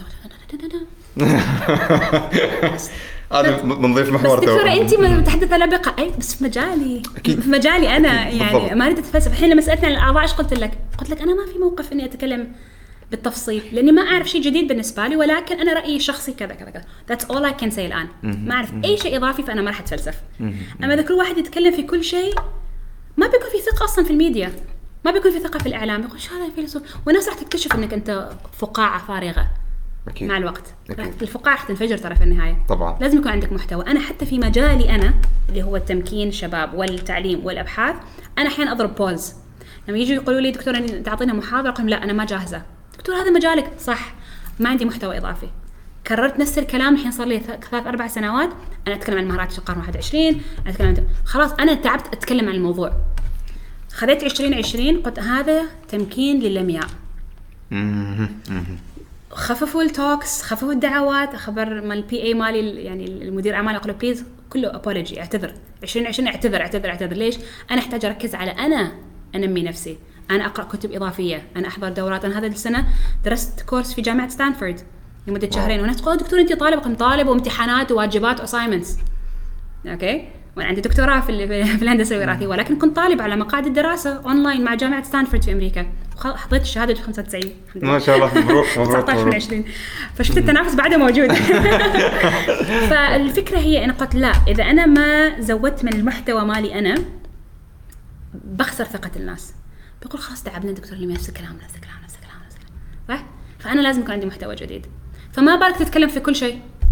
أكيد. صالح وطالع. أكيد. نفس ما قلت إن الشخص بيكون فقاعة فقط تلمع من الخارج من داخل هي. بالضبط. مجرد وناس تكشفك لأنه في النهاية bubbles going to pop يعني. تنفجر الفقاعة. أكيد أكيد أكيد أكيد. زي ما نختم هذا المحور ب آه، شيء نوعا ما ما أريد أقول محزن كثر ما أنه مؤسف اللي هو أنه دائما نسمع أنه في إنجازات آه، في أبحاث في ابتكارات مثلا تطلع من الطلاب من أي جامعة كانت.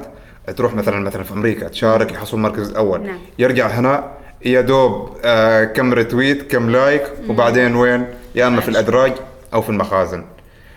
هذا الشيء ممكن يسبب شيء آه، إحباط للمبتكرين الثانيين. يعني أنا أنا ما أخفي إنه أكثر من مبتكر أكثر من أشخاص مهتمين. نقول استضيفوا اشخاص يتكلموا عن الابتكار استضيفوا اشخاص يتكلموا عن هذا. بالعكس نحن نتشرف ما عندنا أي مشكلة. واستضفنا كذا شخص اللي هو آه، سالم ال- الكعبي. الحين جاي أجيب سيرته.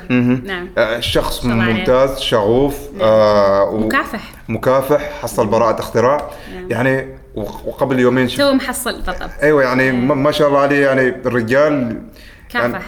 يعني ما استسلم أيوه. أكيد بالرغم من كل الصعوبات. نعم. بس سالم واحد لمية وحدة. زين البقية. ف ويش السبب وين الخلل؟ ويش الحل؟ بكل شفافية قبل ما أستعجل في الإجابة وقبل ما ألقي أصابع الاتهام على أي جهة آه ممكن يكون جانبين. أوكي؟ الجانب الخلل بال- بال- بالجانب القاسي من إجابتي. إنه ممكن الجانب الأولاني يكون من المبتكر نفسه. تعريف الابتكار إحنا ما اعرف إيش نسميه يعني يعني إحنا لازم يكون عندنا تعريف واضح للابتكار لأنه ما كل شيء ابتكار وما كل شيء اختراع.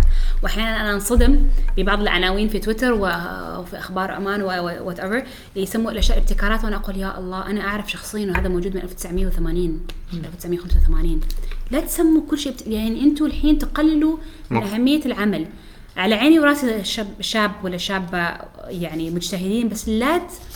لا تفسدوا كلمة ابتكار. فنبدأ لازم نبدأ صح. فكلمة ابتكار وكلمة اختراع كلمات كبيرة جدا. أنا ما مبتكرة ولا مخترعة على فكرة. أبدا. لا ابتكرت شيء في حياتي ولا اخترعت شيء في حياتي. هل هل معناته أنا ما منجزة؟ لا أنا منجزة. هل معناته أنا ما نجحت؟ لا نجحت. أوكي؟ ولكن لازم كل إنسان يكون مبتكر أو مخترع في في في تعريف معين للابتكار والاختراع ففي ناس يفكروا إنهم مبتكرين مبتكرين ومخترعين وتروح في الأدراج اللي يكتشفوا بعدين إنهم أصلا ما مبتكرين ومخترعين الأشياء موجودة. أو في أشياء يعني بديهية في عالم العلوم. مثلا. بالضبط بالضبط. وأنا أنا طلعت بنفسي على بعض. الأمثلة وقلت لا لا لا يا جماعة هذا ما ابتكار please please please لا- تضخموا من الشيء. أيوه بالضبط. هذا اولا. ثانيا ليش ليش تروح إلى في بعض الناس بالعكس مبتكرين ناجحين جدا يعني أبحاثهم رائعة جدا. آه والدليل لما ينشر في دوريات آه علمية مرموقة يكون عندهم براءة اختراع يكون عندهم في أدلة تقول لك ان هذا ابتكار. تيجي من منظمة عالمية مسجلة okay ممتاز. okay؟ بس ما تقول لي مسابقة مدري شو طلعوا طلع المركز الأول أنا مبتكر. لا. لا. okay؟ آه فهذيل اللي عندهم فعلا ابتكارات وعندهم منجزات ليش أحيانا يصير في احباط شافلينج يمكن لأنه ما عندنا مؤسسات متكاملة لتمكين هؤلاء الشباب. يعني مثلا عندنا مؤسسات تدعم الشباب ماديا فقط من غير توجيه. عندنا مثلا مؤسسة توجه فقط consultation من غير دعم مادي. فإحنا ما عندنا مؤسسة مؤسسة متكاملة تأخذ المبتكر هذا أو هذا ال- الشاب والشابة وت- وتتبناه. تماما. ماديا توجيهيا كل شيء صح؟ هذا تدعم ماديا من غير توجيه. هذا تعطي توجيه من غير دعم مادي. هذا جهود متفرقة مبعثرة. إحنا المفروض يكون عندنا مظلة واحدة. وأتوقع إن شاء الله الوضع بيتحسن. إن الحين صار عندنا وزارة التربية والتعليم العالي والبحث العلمي والابتكار. فإن شاء الله يمكن في يكون في تضافر للجهود آه، وفيكون في توجيه مادي ومعنوي و أكيد، مثلا أنا أنا نفسي ما أعرف أسوي business plan ما تخصصي. عندي أبحاث علمية ممتازة عندي أوراق علمية فوق العشرين الآن الحمد لله في دورات علمية مرموقة يعني ممتازة عندنا جوائز عالمية. حلو. عندي دعم مادي من شركات تنمية نفس عمان أو مجلس البحث العلمي وغيرها بس بعدني ما أعرف الجانب مال ال business planning فبنفسي رحت كلمت شركة كذا وشركه كذا واستخدمت مبلغ من الدعم المادي اللي هنا عشان أدفع هذيك الشركة تسوي لي ال business plan مالي. فبجهودي الشخصيه سالم نفس الشيء المبتكر سالم الكعبي. بجهوده هنا وهنا رفضوه. هنا اعطوه شوية بس ما ساعدوا هناك. بس هل مركز على حاجة اللي هي okay أنت قلتي ممكن دعم مادي يتوفر ممكن في توجيه. أيوه توجيه مثلا من بس الجهود ما متكاملة. أيوة. بس الشيء اللي كان يعاني منه آه سالم التعقيدات. بحيث انه ترى الاجهزه موجودة كل شيء موجود إلا أنت لازم تحجز. وتكلمهم قبل بشهرين وممكن صح. نرد عليك. تعاون. وهو في نفس الطبع اللي فيش انه مستعجل على النتائج. صح. عرفت كيف؟ صح. وهذا الأشخاص المستعجلين على النتائج ما ممكن تقول له اصبر ولا شهرين وين. ثلاثة. فعلا يقتل يقتل الحماس. يعني فعلا يقتل الحماس. وأنا أحس هذا يبغى له واجد وعي. أنا أحس الناس ما تعي إنه إذا سووا هذا الشيء كيف يأثر سلبا على ها- على هالأشخاص. يعني مثلا يجون عندي أحيانا طلاب بال... جايوا عندي طلاب مدارس ودخلتهم عندي في المختبر. ما بغيت أقتل الشغف مع إنه تعال اكتشف تعال شوف. بالضبط يقول لهم دكتور ممكن أسبوعين نسوي training عندك وإحنا أصلا ما عندنا هذا النظام في الجامعة. فأنا أخبر الشباب والبنات اللي معي في مختبري اللي هم ماسكين المختبر لهم يا جماعة بس خليهم يجلسوا معاكم في ال lab أسبوعين اشرحوا لهم وأنتم تشتغلوا اشرحوا لهم. ما نريد نكسب خاطرهم. ممكن بيكتشفوا شيء ممكن بيخترعوا شيء صح؟ آه لا لازم إجراءات وكذا okay رسالة حق رئيس القسم رسالة حق العميد خلاص خلصنا الموضوع. فهي إذا it's all here كل شيء هنا. إذا أنت تحس إن الموضوع معقد بيكون معقد. إذا أنت تسهل الموضوع. والله ياما مواضيع معقدة انحلت في دقائق لما تقنع الشخص اللي على الهاتف أو على هذا إنه والله ترى بياخذك دقيقه وفعلا ياخذ دقيقة. فهي كلها mindset كلها mindset كلها mindset واجد أشياء ممكن تتغير. الوطن ممكن يتطور بشكل هائل بال mindset أتذكر واحد من الشباب الله يذكره بالخير في الإدارة عندنا طلبت منه شيء. قال لي دكتور يحتاج توقيع من نائبه نائب رئيس نائبة رئيس الجامعة. قلت له جيب لي إياه التوقيع بكرة. قال لي نعم. ما أقل عن أسبوع. لازم يروح عند فلان وفلان وفلان. قلت له كيف تروح؟ physically تروح ولا بايميل قال بالايميل قلت له ليش أسبوع؟ ترى إيميل خمس ثواني. واللي بعده خمس ثواني. قال اي بس أنا أرسل لحد من الشخص الثاني قلت له تتواصل. قلت له أنا أتحداك. أتحداك إنك تقدر في خمس في 24 ساعة تجيب لي التوقيع. قال لي تم. قلت له تقدر؟ قال لي أقدر. 24 ساعة جاب لي إياها. mindset ما انت قال لي تعرف دكتور ما تدخل قلت له تابع. انت تابع. قل له أنا رسلت لك الإيميل الحين. أفتح الإيميل معك. يلا please ورسله الشخص اللي بعده. ليش؟ ليش توقيع ورقة ياخذ أسبوع؟ دكتور غازي القصيبي الله يرحمه كان طبعا وزير في, في السعودية. لما كان وزير هو كان وزير أربع وزارات. قال ما أخلي أي ورقة فوق طاولتي فوق ساعتين. وهو وزير. نحن عندك موظف عادي. يقول لك تعال والله الساعة 12 يوم الخميس. إذا باقي ساعتين ونص على الدوام. بس كذا يعني سبحان الله أنت يعني وقت الناس ونع- وعوائلهم وع... يعني إيش هذا اللؤم؟ أنا أعتبرها لؤم. حقيقة أنا أعتبر هذا الإنسان لئيم. انك أنت عارف إنك بتجيب شخص من بيته عشان توقيع وأنت جالس في مك... وبعدين باقي ساعتين ونص. أتذكر مرة اتصلت في حد في الإدارة. قال دكتورة سلامات يوم الخميس الساعة 12 قلت له أيوه باقي ساعتين ونص على الدوام. أنا جاية الحين. لا دكتور لا تيجي ما في حد. قلت له أنا جاية الآن. باقي ساعتين ونص على الدوام. إيش هذه المنتاليتي؟ ليش كل واحد صار يقتنع الآن إنه الساعة 12 يوم الخميس ما المفروض تتوقع أي شيء من أي وزارة؟ ليش؟ ما سنسأل يوم القيامة على هذا الوقت؟ أنت ما بغيت تحلل معاشك؟ تاكل أولادك يعني آه، معاش آه، الناس ما تستوعب على فكرة. الناس ما تستوعب. مرة كنت في القسم جايبة أوراق مطبوعة وحبر لل- لل printer وسألتني رئيسة القسم كان رئيس القسم. قال لي ليش جايبة حبر وأوراق؟ قلت له لأني قبل فترة طبعت بطاقات آه، عيد ميلاد ابني من المطبعة مالت ال... يعني من ال printer مال القسم. كم من 10 ست 10 15 ورقة يعني حل بطاقات بس جبت قال لي قال لي و... ما استوعب.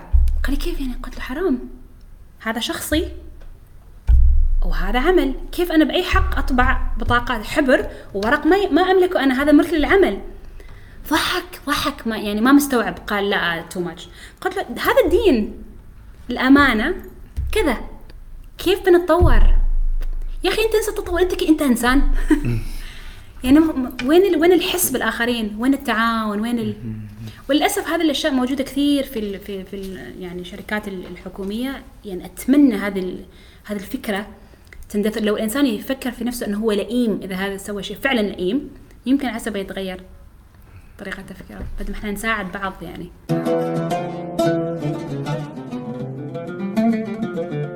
نرجع بعد فاصل قصير آه، في المحور الأخير اللي هو آه، أتوقع أنه آه، هو جزء لا يتجزأ من دكتور الأنبياء اللي هو القيادة والإلهام. أول شيء بنبدأ بتعريف بسيط عن عن عن الجائزة اللي حصلتيها إنه كقائد شاب عالمي في المنتدى الاقتصادي العالمي. إيش معنى الجائزة؟ بالنسبة لل- للجائزة وبالنسبة للدكتور الأنبياء آه هي عضوية آه تابعة للمنتدى الاقتصادي العالمي. طبعا المنتدى الاقتصادي العالمي آه مش أقول لك عبارة عن منتدى يعني يبحث في القضايا التي تخص العالم.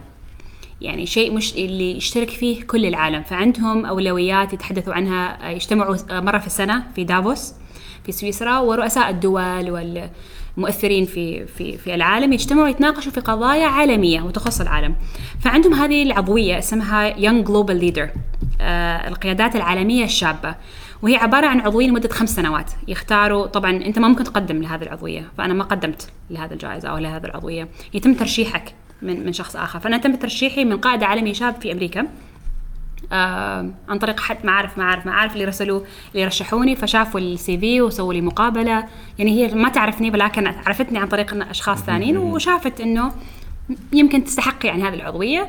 فرشحتني وطبعا مش- مشينا في سلسلة من ال- ال- المقابلات وال- والبحث والتقصي ويسألوك بالساعات المقابلات أسئلة تفصيلية يعني. وبعد ما يتحققوا من كل ال- الأمور سواء كانت من الإنجازات أو الأهداف أو الطموح يعني أنت إيش حققت وإيش بتسوي الحين وإيش ناوي تسوي في المستقبل. فلما يتحققوا من كل هذه الأمور يعطوك العضوية أو ما يعطوك العضوية. طبعا كان في فوق 2000 مرشح آه، لهذه العضوية أخذوا 115 من العالم. كله وأخذوا سبعة من منطقة الخليج المنطقة العربية. وكنت واحدة من السبعة اللي أخذوهم من المنطقة العربية الحمد لله.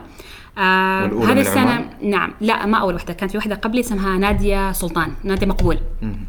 آه فأنا ثاني واحدة ثاني عم... ثاني عمانيه آم، هذه السنة أنا أنا من ضمن لجنة اللي يقيموا ال- يعني أنا نفسي رشحت كذا عماني وعمانية. آه وعملنا عملية فرز فأخذوني أنا إني على أساس إنه أقيم المجموعة الجديدة من القيادات فإن شاء الله رح تنزل النتائج أتوقع شهر اثنين أو شهر ثلاثة من 2021 نعرف مين اللي محصل في هذه العضوية. فالعضوية يحق لك إنك تأخذ دورات تدريبية. قبل شوي ذكرت لكم أنا خذيت كورس في ستانفورد. ممول من عندهم. في التمويل من المنتدى الاقتصادي العالمي. فواحدة من الأشياء اللي هم يسووها اللي هي ما بس إنه يكسبوك ثقة دولية إنه أنت verified يعني آه، يعني عندك ثقة المنتدى الاقتصادي العالمي بس أيضا يمكنوك في قطاع أو في جانب القيادة. فيشبكوك مع رؤساء دول وزراء دول. يعني إحنا اللي كانت معي في المنتدى الاقتصادي العالمي ك young global leader قائدة آه، أو رئيسة وزراء فنلندا. هي أيضا أخذوها نفس الشيء 2020 معي. فوزراء كثير من الإمارات والسعودية وغيرها. فعندك شبكة جميلة جدا من ال- القيادات اللي تتعلم منهم تستفيد منهم أنت تفيدهم بتبادل الخبرات.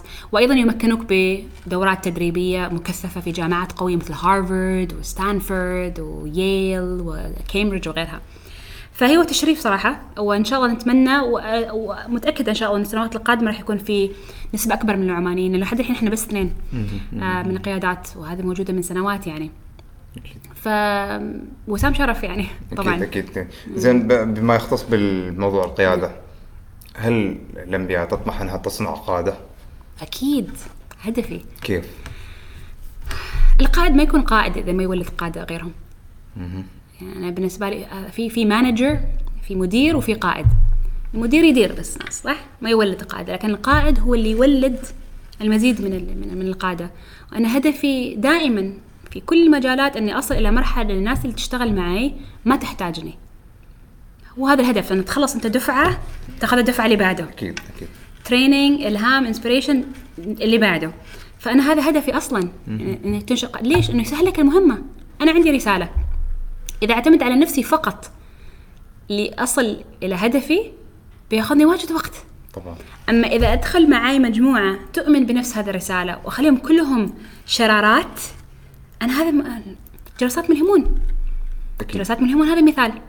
إحنا عندنا منصة جل... أكيد جلسات ملهمون يعني أكيد أكيد عنها؟ أكيد سمعنا عنها. وحاط لها محور أساسا بس ما أيوة. انش دخلت فيه. ممكن توضحي إيش هدفها أيوه. ماهيتها نعم. ورسالتها يعني هي هي فكرتها اجابه على سؤالك هذا انه إنه هل تريد تخلقي قاده 100% كيف تخلق يخلق الإنسان قاده؟ إنه يكون عنده ال- ال- الرول موديل أو يكون عنده ال- ال- الأيقونات. الأيقونة أو الشخص القدوة المناسبة. فنحن إيش سوينا في جلسات ملهمون؟ فكرنا كيف ممكن نسوي منصة لأن كنت أسويها على مش... على في المحاضرات مالي محاضرات بعد الدوام ورشة عمل هنا صحار كلمتين صور أروح كلمتين. بس بغيت شيء كبير يعني لأن اجين شخصيتي واجد مستعجلة. فأنا أحب ال impact أحب التأثير الكبير. قلت لا اريد منصة كبيرة يكون فيها آلاف من الناس حاضرين ويكون فيها ضجة ويكون فيها حماس يعني القاعة تكون كلها wow إحنا نريد نكون مثل هذا الشخص الملهم.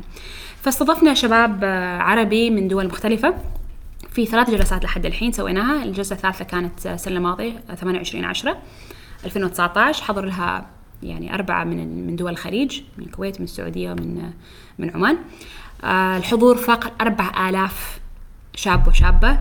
طبعا كان منظر مهيب كان بالضبط مثل ما تصورته. بالضبط مثل ما تصورت تصورت قاعة كبيرة ضخمة وأنا قلت هدفي المتطوعين كانوا عندنا 20 متطوع الله يجزيهم الخير. طبعا كل الكريدت يروح للشباب هذول والبنات. هم اللي هم هم جلسات ملهمون أنا بس اللي ورا اتكلم شوي كذا على الخفيف وأروح هم جنود جنود جنود مجندة رائعين جدا. حتى الفترات اللي أنا كنت أحس فيها ان خلاص تعبت هم لا دكتورة. أم- آمنوا بالرسالة. خلاص آمنوا بالرسالة. حل يعني هم ريحوني أنا؟ كان عندي رسالة وضحت إيش الرسالة هذه؟ مسكوها عني. شباب صغار فيهم فيهم طاقة وفيها وباغين يأثروا باغين يكونوا مؤثرين. فكانت ال- الحمد لله جلسات ملهمة جدا ناجحة. حصلنا دعوات من الكويت من السعودية في مؤسسات في عمان بغت تتبناها رسميا يكون تحت مظلتها. آه، فالحمد لله الحين حاطينها شوية pause لأنه مبني على التجمعات والتجمعات ممنوعة. آه، حاولنا نسوي جلسة واحدة اونلاين بس الأثر ما كان ذاك ال- ما نفس الشيء. ما نفس الشعور ما نفس. الشعور ابدا. يعني طبعا. فإحنا الحين عندنا خطط يعني كيف ممكن نستمر في جلسات ملهمون اونلاين بطريقة أخرى وأيضا نخطط لما يتحسن الوضع كيف ممكن نرجع بقوة يعني. ممتاز. فالهدف هو إنشاء قادة. ممتاز. ليش؟ عشان إحنا نريد ننهض بالأمة. فنحتاج ناس قادة أكثر. نحتاج شباب عندهم هدف في حياتهم. ما بس شغلهم نتابع محتوى فارغ أو نتابع بنات يتابعوا بس fashionistas مع كل احترامي لكل الناس يعني. بس هذه الأشياء جانبية. إيش هدفك في الحياة؟ انت إيش هدفك؟ وين وين بغ... إيش باغي تسوي في بل... في وطنك؟ في محيطك؟ أشياء المهارات وأشياء اللي تونسك وتضحكك؟ ممتاز ما مشكلة. بس إيش رسالة هذاك ال- المحتوى؟ لازم كل إنسان يكون يعيش عنده مهد. يعني هدف واضح بعيد عن إرادته يعني بعيد عن رغبته الشخصية فقط. يعني ما بس مثلا أنا أريد أكون CEO من شركة كذا. ليش؟ في النهاية لازم يكون عندك impact صح؟ فلازم تسأل نفسك دائما ليش؟ عشان توصل إلى الجذور they call it the root cause صح؟ تسأل نفسك ليش؟ وأنا أول مرة جلست مع حد اللي ساعدني أفكر قلت له أنا أريد impact قال لي ليش؟ قلت له بس أريد أثر صح؟ قال لي ليش؟ فقلت له كيف يعني ليش؟ أريد أثر أريد أكون أثر على الشباب وكذا. قال لي ليش؟ قلت له عشان أريد ننهض بأمة محمد أريد نحل مشاكل أريد نكون معتمدين على فبديت أتحمس وأجي قال لي آه. That's what you want. The root cause فاللي يسوي شيء يوميا خليه يوقف شوية pause ليش؟ اسأل نفسك ليش؟ انت ليش تسوي هذا الشيء؟ أنتوا ليش تسووا جلسة كرك؟ نحن عندنا ثلاث قيم رئيسية آه. أول شيء إن هي الوعي نريد ننشر وعي الشيء الثاني التأثير وهذا القيمة اللي نحن يعني ما أريد أبالغ بس نحن نريد نغير تفكير جيل بأكمله. رائع جدا. الشيء الثالث اللي هو الوفرة. على أساس إنه لازم ندخل انكم بحيث إن إحنا نتطور. ممكن يكون. عندنا مكاننا الخاص ممكن يكون هذا. ففي ثلاث قيم. الناس على بالها انه نحن خلينا نصور ونجيب ضيوف. لا لا. في ثلاث قيم. برافو عليك. إحنا حقيقة مستندين عليها وحتى قراراتنا اللي نتخذها اختياراتنا للضيوف مبنية عليها. برافو عليكم برافو عليكم. ف- كفو. هذه هذه هذه يكفي لكم الاستمرارية. لما ما يكون في هدف واضح بعد في بعد شوي تحس إنه آه أنا مليت. لأن أنت أصلا ما عارف إيش تسوي هذا الشيء تعرفي وش الشيء الحلو؟ بتوقع هذا الشيء صار مع المتطوعين اللي في جلسات ملهمون إنه لما أنت تكون شغوف بالشيء ومؤمن فيه الناس اللي حولك يوصلهم هذا الشغف ويؤمنوا فيه. بالضبط فمثلا محمد بالضبط. ال- العضو الجديد معنا في الفريق آه، هو يؤمن بهذا الشيء. الشغف وصله فمن بين كل المرشحين انت الشخص المناسب اللي هو حاب هذا الشيء. رائع رائع جدا. نحن نفس الشيء عندنا إلى أمس إلى اليوم في عندنا ناس تتواصل معنا يريدوا يكونوا متطوعين في جلسات ملهمون وإحنا بدينا 2018 بليز أي شيء تريدوا في جلسات ملهمون إحنا بنيجي. وإحنا ما ندفع ولا شيء هذا كلهم متطوعين. بس ال ال مؤمنين بالشيء. مؤمنين مؤمنين بالفكرة بالضبط. زين آه، بننتقل لآخر نقطة في هذه الحلقة الكركية. الاستثنائية الطويلة جدا. تقريبا تجاوزنا الساعتين. يعني ما بحصل شاي زيادة عندكم؟ آه. لا للمصداقية الكرك مخلص من نص من ساعتين ونص. بس يعني الحمد لله انه كان أوكي. زين آه الشيء اللي صار مؤخرا اللي هو آه التكريم من السيدة الجليلة حرم صاحب جلالة السلطان هيثم. آه وش الشعور؟ وأنا حسيت إنه طبعا الصورة صورة التكريم انتشرت دوليا زين. إيش الشعور إنك تسمع مثلا من برا عمان خصوصا التاثير هنا خصوصا من شخصية أول مرة تظهر. بالضبط. والله هذه يبغى لها جلسة ثانية من الكرك أها أوكي. لا الشعور كان حقيقة شعور كان لا يوصف فخر شديد انه أنت يعني يعني يلاحظوك في ويلاحظوا أعمالك ومنجزاتك أعلى ناس في وطنك. طبعا أنا أول مرة اتصلوا فيني من يعني المكتب وقالوا أنا ما كنت مستوعبة. يعني لدرجة لما قالوا إنه أنت تم بيتم تم تكريمك يعني وأنا أصلا ما فاهمة الموضوع بعدني في حالة يعني ذهول. قلت لهم تمام ممكن أعرف أي ساعة؟ لأنه أنا عندي كلمة تحفيزية في شركة قال لا أنت ما مستوعبة هذا جاي من فوق. فأنا ما طيب إنسانة بسيطة في حالي أخدم المجتمع ما تعرف إنه أكبر شخص في الدولة يلاحظ. وهذا حقيقة لما أنا دخلت قاعة التكريم وشفت يعني الخمسين امرأة رائعة جدا اللي كانوا بين الحضور. الفئة اللي شفتها كانوا مثلي بسيطة آه كل واحد يقوم بجهوده من جانبه. كان في مجالات مختلفة جدا وناس أنا أول مرة أسمع عنهم وأتعرف عليهم. نساء حقيقة رائعات جدا. فقلت هذه رسالة قوية وواضحة جدا إنه يا عمان إحنا نتابعكم. يا شباب يا بنات كلكم كلكم. العالم والفنان والخياط والمحامي وصاحب المحلات والانتربرنور والرياضية نحن نتابع جهودكم كان كأنه حد كب ماي بارد على علينا يعني إنه إحنا يتم تقديرنا ونحن إحنا بالنا إنه إحنا ما حد يلاحظ أنت بس تقدم صح؟ أكيد. آه لما لما حد يقول تكريم من صاحب الجلالة من يعني من عن طريق صاحب الجلالة طبعا آه، عن طريق السيدة الجليلة تتوقع فئات معينة معروفة الكل يتكلم عنه أكيد بيكون في فلان فلان فلان فلان فلان فلان. بس هو كان فعلا رسالة جدا واضحة إنه we're watching all of you وكلكم لكم مجال إن إنكم تصعدوا في عمان. طبعا ظهوري شخصيا مع السيدة الجليلة اللي هي قمة الروعة. يعني أنا اي فell in love with her صراحة. اول ما شفت ذاك اللي ما شاء الله تبارك الله. قمة التواضع آه عندها ذكاء اجتماعي ذكاء عاطفي يعني رهيب. طبعا هي دارسه علم الاجتماع. فعندها أسلوب جميل جدا في الحوار خلتنا كلنا مرتاحين. كنا في حالة توتر وترقب قبل ما نعرف شكلها وما نعرف أي شيء يعني. بس أول ما شفناها على طول حسينا بالقرب منها لانها عندها ذكاء عاطفي واجتماعي عالي جدا.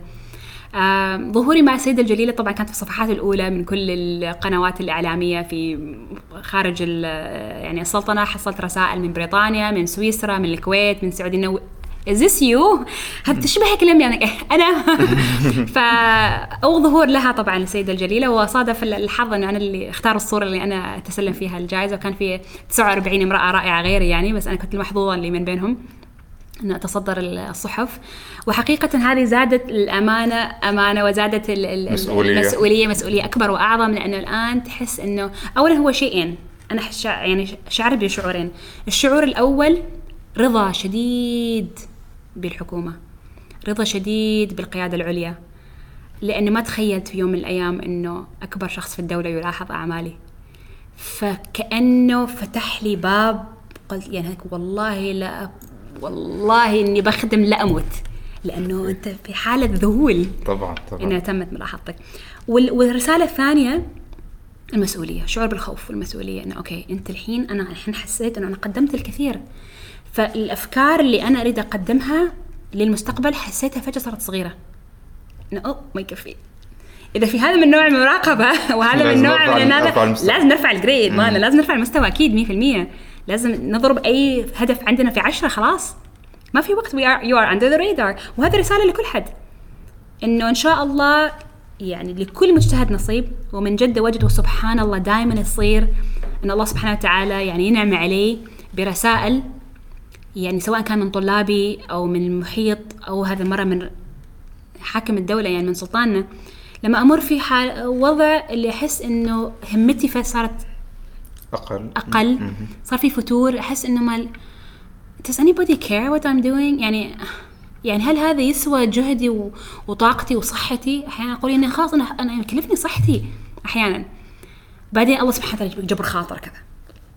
رسالة حلوة تكريم جميل. دائما رسائل الطلاب والطالبات دائما تجي في الوقت المناسب. كذا من غير بم... يعني أكون حاسة متضايقة أفتح كذا إيميل كذا طويل من طالبات وانت سبب كذا وانت سبب كذا و... وأنا أقرأ الإيميل وأدام أبكي.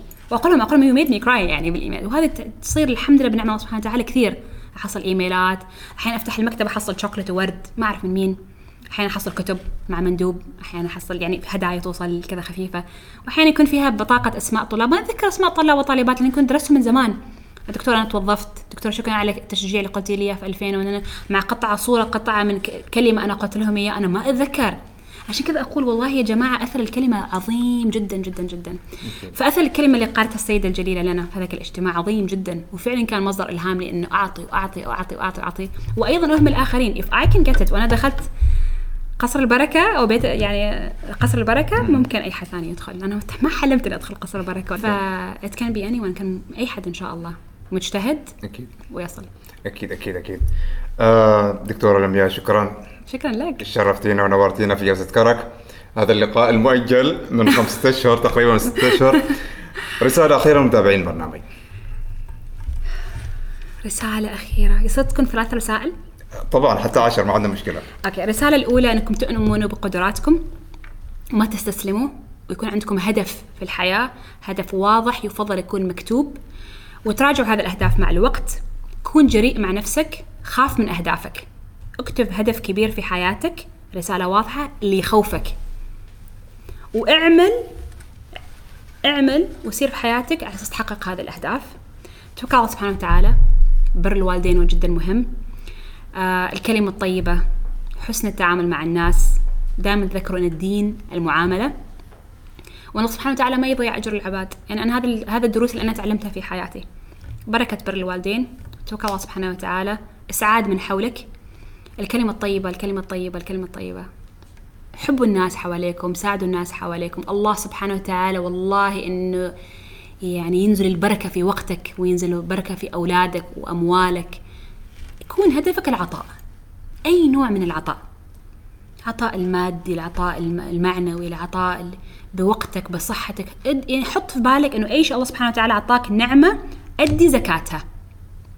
إذا كان مال زكاة المال. إذا كان الوقت زكاة الوقت. إذا كان العلم زكاة العلم. أي شيء عندك إيش الممكنات اللي عندك؟ فكر أنا كيف ممكن أرجع هذا الشيء؟ الله سبحانه وتعالى سيسالني عن هذه النعم. أحيانا النعم هذه تكون نعمة أحيانا تكون نقمة إذا أنت ما استغلتها بطريقة صحيحة. لأن ستسال عنها.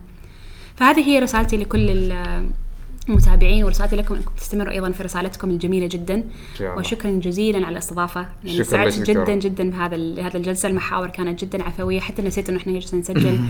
فشكرا لا هذا اللي هذا اللي سبب أنا خبرتك السر بس أنت ما صدقتي. نحن نسوي شيء في الكرك. شكرا. خلى الضيف يقول اشياء هو يمكن ما يدري إنه يقولها شكرا دكتورة. تشريف. الله تشريف. يخليك. محمد، الشرف الله لنا. آه، حسابات الدكتوره بتكون موجودة في صندوق الوصف. وأيضا آه، الايميلنا موجود في صندوق الوصف إذا تحبوا تتواصلوا معنا. وكذلك رابط الاستماع للحلقة like و share و subscribe. نشوفكم إن شاء الله على خير. مع السلامة. بودكاست بودكاست.